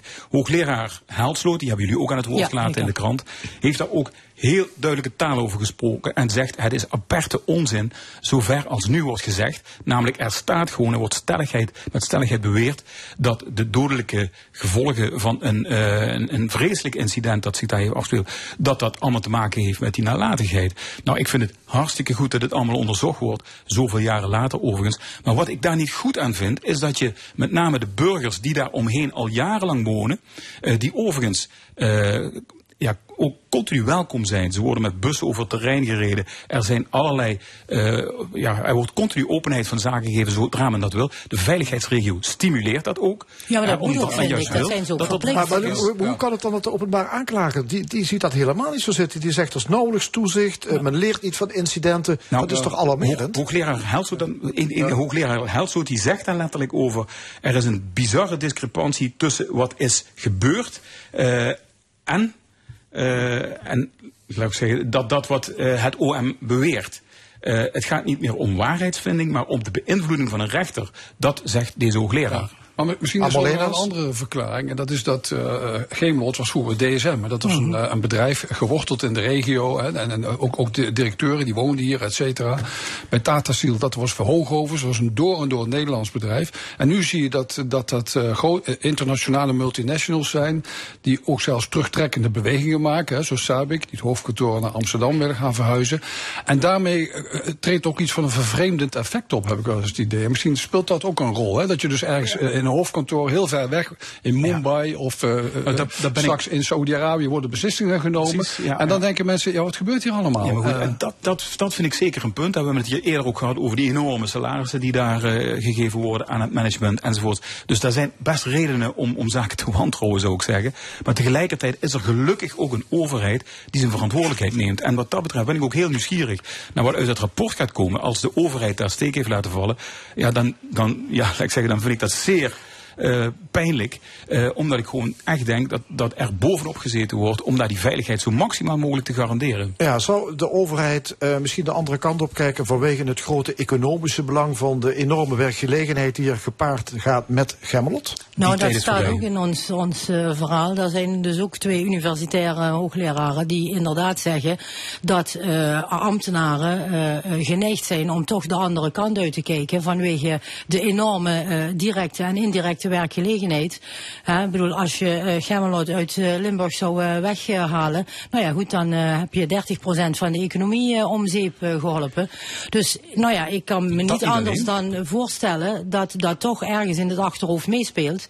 En ik denk wat ook nog van belang is om aan te stippen. Hè, natuurlijk, ik, ze, ze zullen hun best doen en ze zijn aan, aan wetgeving en aan regelgeving gebonden. Maar we moeten ook niet vergeten dat als er daar iets misgaat, dan heeft het ook meteen hele grote en verstrekkende gevolgen. Ja. En dat is wat het natuurlijk ook voor mensen beangstigender maakt dan eh, dat, er, dat er ergens een bedrijfspandje Ja. op de hoek van de straat zit. Ja, ja. Nee, maar dat die overheid eh, steek heeft laten vallen, eh, ik denk dat dat wel juist is hoor. Dat zag je eigenlijk bij Schiphol ook. Hè. Op een gegeven moment bleek dat die niet eens een vergunning hadden. Eh, dus ja, en dan, dan dat, ja, wat, wat moet je daarvan denken als je dat in de krant Ja, goed, En als je al jaren klaagt over overlast, of eh, bij Gemelot, je bent, je bent, dat gaat een keer mis, je bent bang, je woont daar vlakbij. Dat begrijp ik heel goed. Dus ik denk dat het ook een wake-up eh, is voor de overheid om het toezicht eh, serieus te nemen. En er ook mensen is, op te zetten. Dat is zeker zo, maar laten we wel wezen. Er is, denk ik, in de hele wereld geen land waar de veiligheidsvoorschriften en maatregelen en de controle erop zo groot is als in Nederland. Wat het ergste zou kunnen zijn, is dat dit soort bedrijvigheid zich verplaatst naar landen waar die controle vele malen lager is, waar de salarissen veel lager zijn en waar je niet alleen hier dan de banen kwijt bent, maar waar je mondiaal gezien, en we leven natuurlijk steeds meer in, een wereld die, die met elkaar samenhangt, eh, nog veel grotere risico's loopt. Dus ik ben wat dat betreft eh, ervan overtuigd dat eh, de overheid hier alles aan heeft gedaan. En ik ben ook wel heel nieuwsgierig wat uit dat onderzoek komt. Maar ik vind het niet goed dat er een tendens wordt gestimuleerd bijna van, oh het ziet er zo complex en ingewikkeld uit. En het is zeker niet fraai in het, in het beeld, in het landschapsbeeld van Zuid-Limburg. Past er eigenlijk niet in, het is een dissonant. Maar het is wel eh, al jarenlang aanwezig. En ik denk dat het ook goed is dat die overheid opnieuw nu een slag maakt en laat zien dat burgers vertrouwen mogen hebben in de controle op Gemmelot. Nee, ik, ben het daarmee eens hoor. Wij moeten, industrie moeten we koesteren. Hè. Eh, de economie is gebaat bij, eh, eh, bij, bij verschillende sectoren die allemaal kunnen bloeien en die elkaar versterken. Dus ik denk ook dat, het een, eh, dat dit een moment is om eh, ja, dingen, dingen te verbeteren waar dat nodig is. Maar zeker niet eh, een sfeer creëren waarin eh, grote bedrijven denken van eh, in Nederland eh, kun, kun, je, kun je niet meer ondernemen. Goed, Absoluut we gaan naar eh, de verkiezingen, want die naderen met de rassenscheiden. Hè. Over tien dagen is het zover.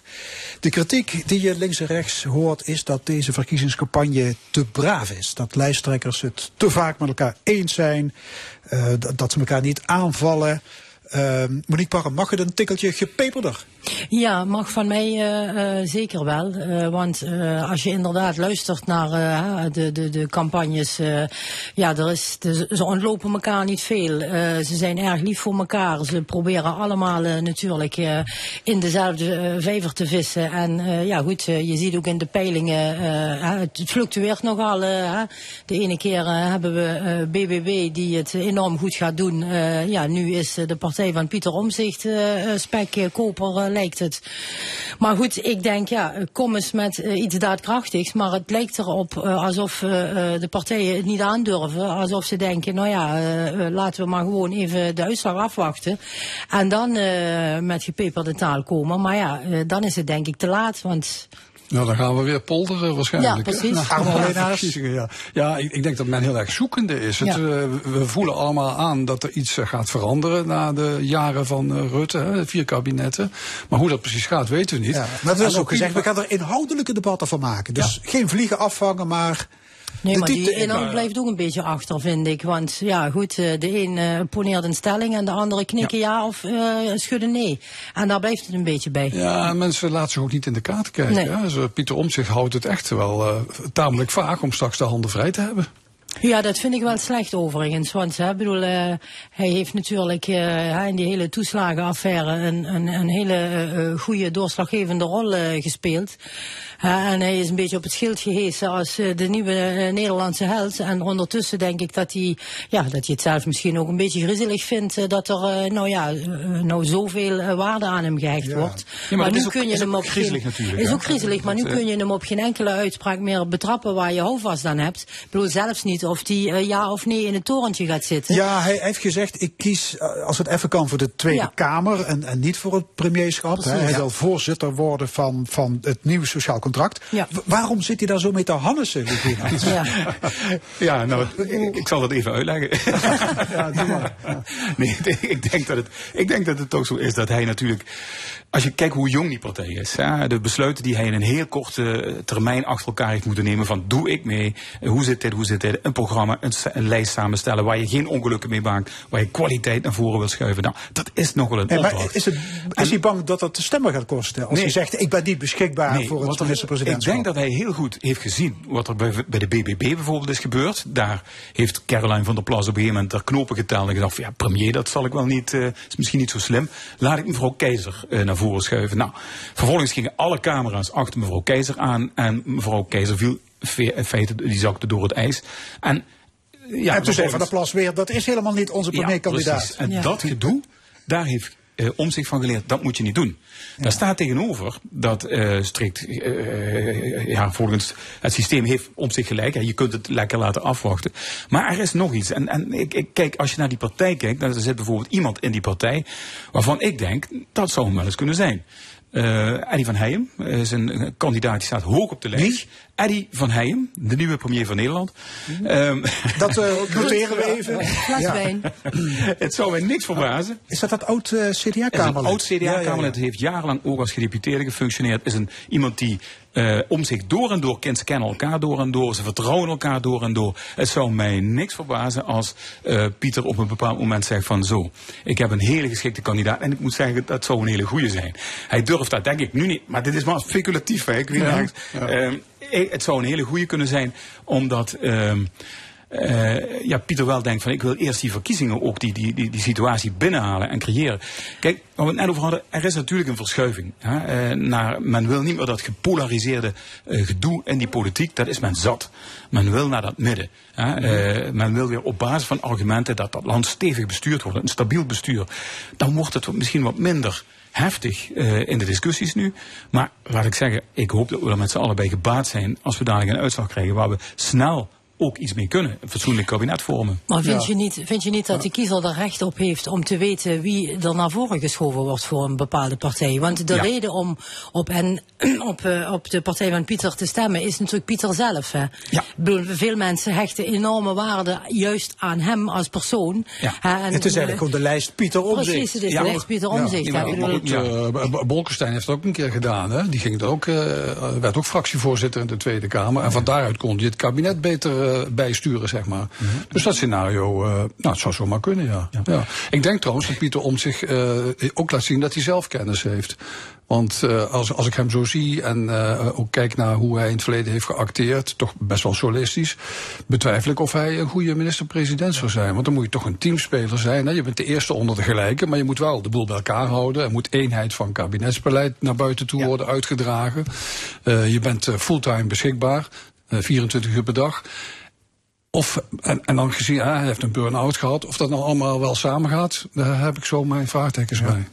Ander campagnenieuws. eh Frans Timmermans die heeft het jaar 2030 als stikstofdeadline overboord gegooid. Ehm, ja, kun je als politiek leider zomaar afwijken van je eigen verkiezingsprogramma? Ja, ik vind het een beetje gek eerlijk gezegd. Ik denk, nou ja, je hebt eh, die datum niet voor niks ergens uh, groot omrand in je programma gezet, want je wil ergens naartoe werken. Nou ja, goed, misschien heeft hij uh, inmiddels voor zichzelf besloten, het is niet haalbaar, want het zijn nog, ja goed, krap zes jaar. Ehm, ja, goed, ik weet niet of het nou per se slim is om op deze manier nu al water bij de wijn uh, te doen. En hoe zou dat vallen bij de GroenLinks-achterban? Slecht, vermoed ik. Ja, ja want die zit, zit, er toch vrij principieel in. Zeker op dit gebied. Ja, ja. dus. en, dat, en dat maakt het in die zin wel spannend. Kijk, GroenLinks PvdA heeft die uh, fusie bedacht. En dat, ik, ik dacht ook van zo, dit gaat in die zin goed uitvallen voor die partijcombinatie. Omdat veel twijfelaars mm. op links misschien dan toch denken van ik ga strategisch stemmen en ik ga op een grote linkse partij stemmen, want dan maken we kans om echt serieus mee te doen. En door dit soort ja, gedraai zou ik bijna zeggen, uh, gaat daar in die achterban weer, gaan daar mensen twijfelen. Ja, geeft het ook aan dat het stikstofdossier geen prioriteit meer heeft? Ik, weet, ik, ik geloof echt oprecht dat Frans Timmermans, uh, ja, hij wordt vaak die post van het klimaat genoemd, maar dat is hij natuurlijk ook. Hij heeft dat doorleefd en hij staat daar ook 100% voor. Dus ik had het in die zin sterker gevonden als hij daar gewoon vier overeind was gebleven en dat was blijven uh, neerzetten. Want ja, dat is zijn, zijn unique selling point, zou ik bijna zeggen. Mm -hmm. ja. Goed, verder valt op de terugval van BBB in de peilingen. Hè, een paar maanden geleden een paar maanden terug goed voor 31 zetels en nu op 9, het niveau van Partij voor de Dieren, D66. Wie heeft een verklaring? Nou, dat is het, op sorry, het optreden van Caroline is, uh, valt gewoon heel erg tegen. Zoals zij zich nu manifesteert, een paar on ongelukkige interviews. Ik heb ook het idee dat ze, ja, dat ze, dat ze, ze mij ook af en toe wat vermoeid over. En dan zie je maar weer hoe gevaarlijk het is als alles van één persoon afhankelijk is. Hè? Als je dan even niet lekker in je vel zit, dan duikelt je partij. Kijk, wat, wat in... Oh, sorry. Meneer Pannen? Ja, ik denk dat het uh, wel het effect een beetje is van omzicht. Hè? Ik bedoel, uh, uh, Caroline werd als heel verfrissend ervaren, omdat ze zegt waar het op staat. Ja, in, in, in, in taal die de gewone burger kan begrijpen. Maar goed, dat doet Pieter Omzicht natuurlijk ook. En die heeft natuurlijk wel laten zien de afgelopen jaren ja, waar die toe in staat is. is. Ja, ja is, kijk, bij de provinciale statenverkiezing zag je dat zoekgedrag van die kiezer. En men was op zoek naar iets nieuws, iets in het, in het midden. En niet meer in dat extreme. Uh, ik denk dat als de BBB toen niet had meegedaan, was waarschijnlijk de PVV misschien wel de grootste partij geworden. Nou, uh, het is nu de BBB geworden, maar men ziet, of je ziet nu dat die kiezer nog steeds aan het zoeken is. Die is niet meer gebonden, althans een groot deel, gebonden aan een ideologie of aan een partij. En dan is om zich inderdaad met de optelsom die Monique net maakt, uh, ja, denk ik terecht stijgt die daar bovenuit. Want die heeft laten zien bij een toeslagenaffaire van hoe je kunt opkomen voor de zwakste in de samenleving. Ja, en, en bovendien uh, spreekt hij zich uit op meerdere terreinen. Kijk, bij BBW ging het uh, toch in essentie om die stikstofproblemen. nou, uh, maar Pieter Omtzigt heeft het over beter bestuur. Die heeft het over een, een, een, een, een, een tribunaal, een hof, een constitutioneel hof. Hij heeft het over bestaanszekerheid. Echt een hele waaier over Europa, een hele waaier aan dingen. Wo wonen, zo, zoals het ook zou moeten zijn, denk ik, bij politieke partijen. En dat mis je bij BBB ook. Het is eigenlijk een one-issue partij. Oké, we gaan naar uh, ander opmerkelijk nieuws van de afgelopen week. Uh, struikelsteentjes. Dat zijn van die steentjes die voorbijgangers herinneren aan de slachtoffers van de Holocaust. Die worden voor de deur gelegd van een huis waar in de Tweede Wereldoorlog Joden zijn weggevoerd. In Venlo is besloten om voorlopig geen nieuwe struikelsteentjes meer in de binnenstad te plaatsen. Uh, de reden, ja, er is heel veel animositeit tegen Joden vanwege de oorlog in Gaza. Wat vinden jullie daarvan? Nou, ik heb wel begrepen dat er ook nog een tweede punt is. eh, eh, namelijk bij het plaatsen nu van, hè, er liggen al 18 van die struikelsteentjes in de Venloze binnenstad en er zouden er nog 18 bij komen nu. Maar door juist de situatie in Israël en Gaza konden een aantal nabestaanden, eh, waarvoor die struikelsteentjes nu zijn bedoeld, de onthulling niet bijwonen. Dat was een tweede aspect. Nou ja, daarvan kan ik begrijpen, oké, dan stellen we het uit, want het is natuurlijk een heel belangrijk ceremonieel, zeker ook voor nabestaanden.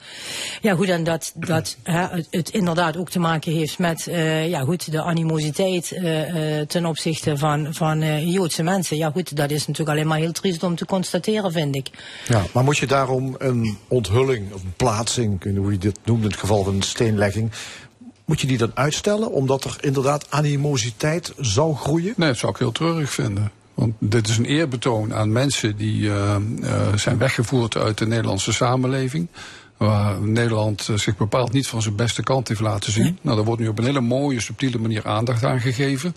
Nou, dan moet je vooral niet laten verstoren door, eh, door, een, oor- door een oorlog die natuurlijk... Ja, Oké, ik snap wel dat er een link is, maar ik zou het toch gescheiden houden. Ja. je moet het juist zichtbaar maken. Hè? Door, bedoel, door het wel te doen, hè? even los van dan de omstandigheden, door het wel te doen, ge- eh, geef je natuurlijk ook een statement af. eh, Ja. hè? Dat je, dat je ja, hierachter staat en dat, eh, ja, goed, dat we het nog steeds zichtbaar willen maken. Ja. Kijk, als je voor zo'n steentje staat, dan sta je dus ook voor een huis waar ooit mensen uit vertrokken zijn. En die zijn nooit meer teruggekomen. Ja, vertrokken, ze zijn meegenomen. Ja, meegenomen. meegenomen en die zijn nooit meer teruggekomen. En dat is natuurlijk wat er op dit moment en in Israël en in de Gazastrook aan de lopende band gebeurt. Dat is afschuwelijk en verschrikkelijk.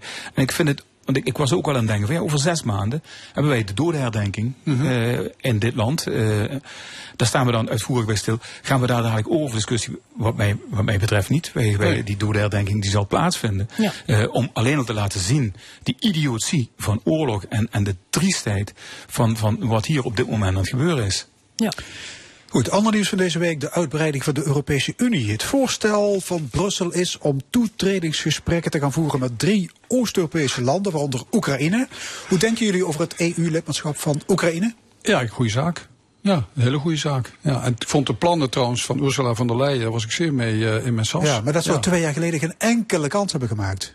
Nee, maar de wereld is veranderd, hè, zoals we weten. En eh, eh, Europa gaat een nieuwe fase in. Ik eh, las dat we hier te maken hebben met het misschien wel het belangrijkste voorstel van de afgelopen tien jaar als het over Europa gaat.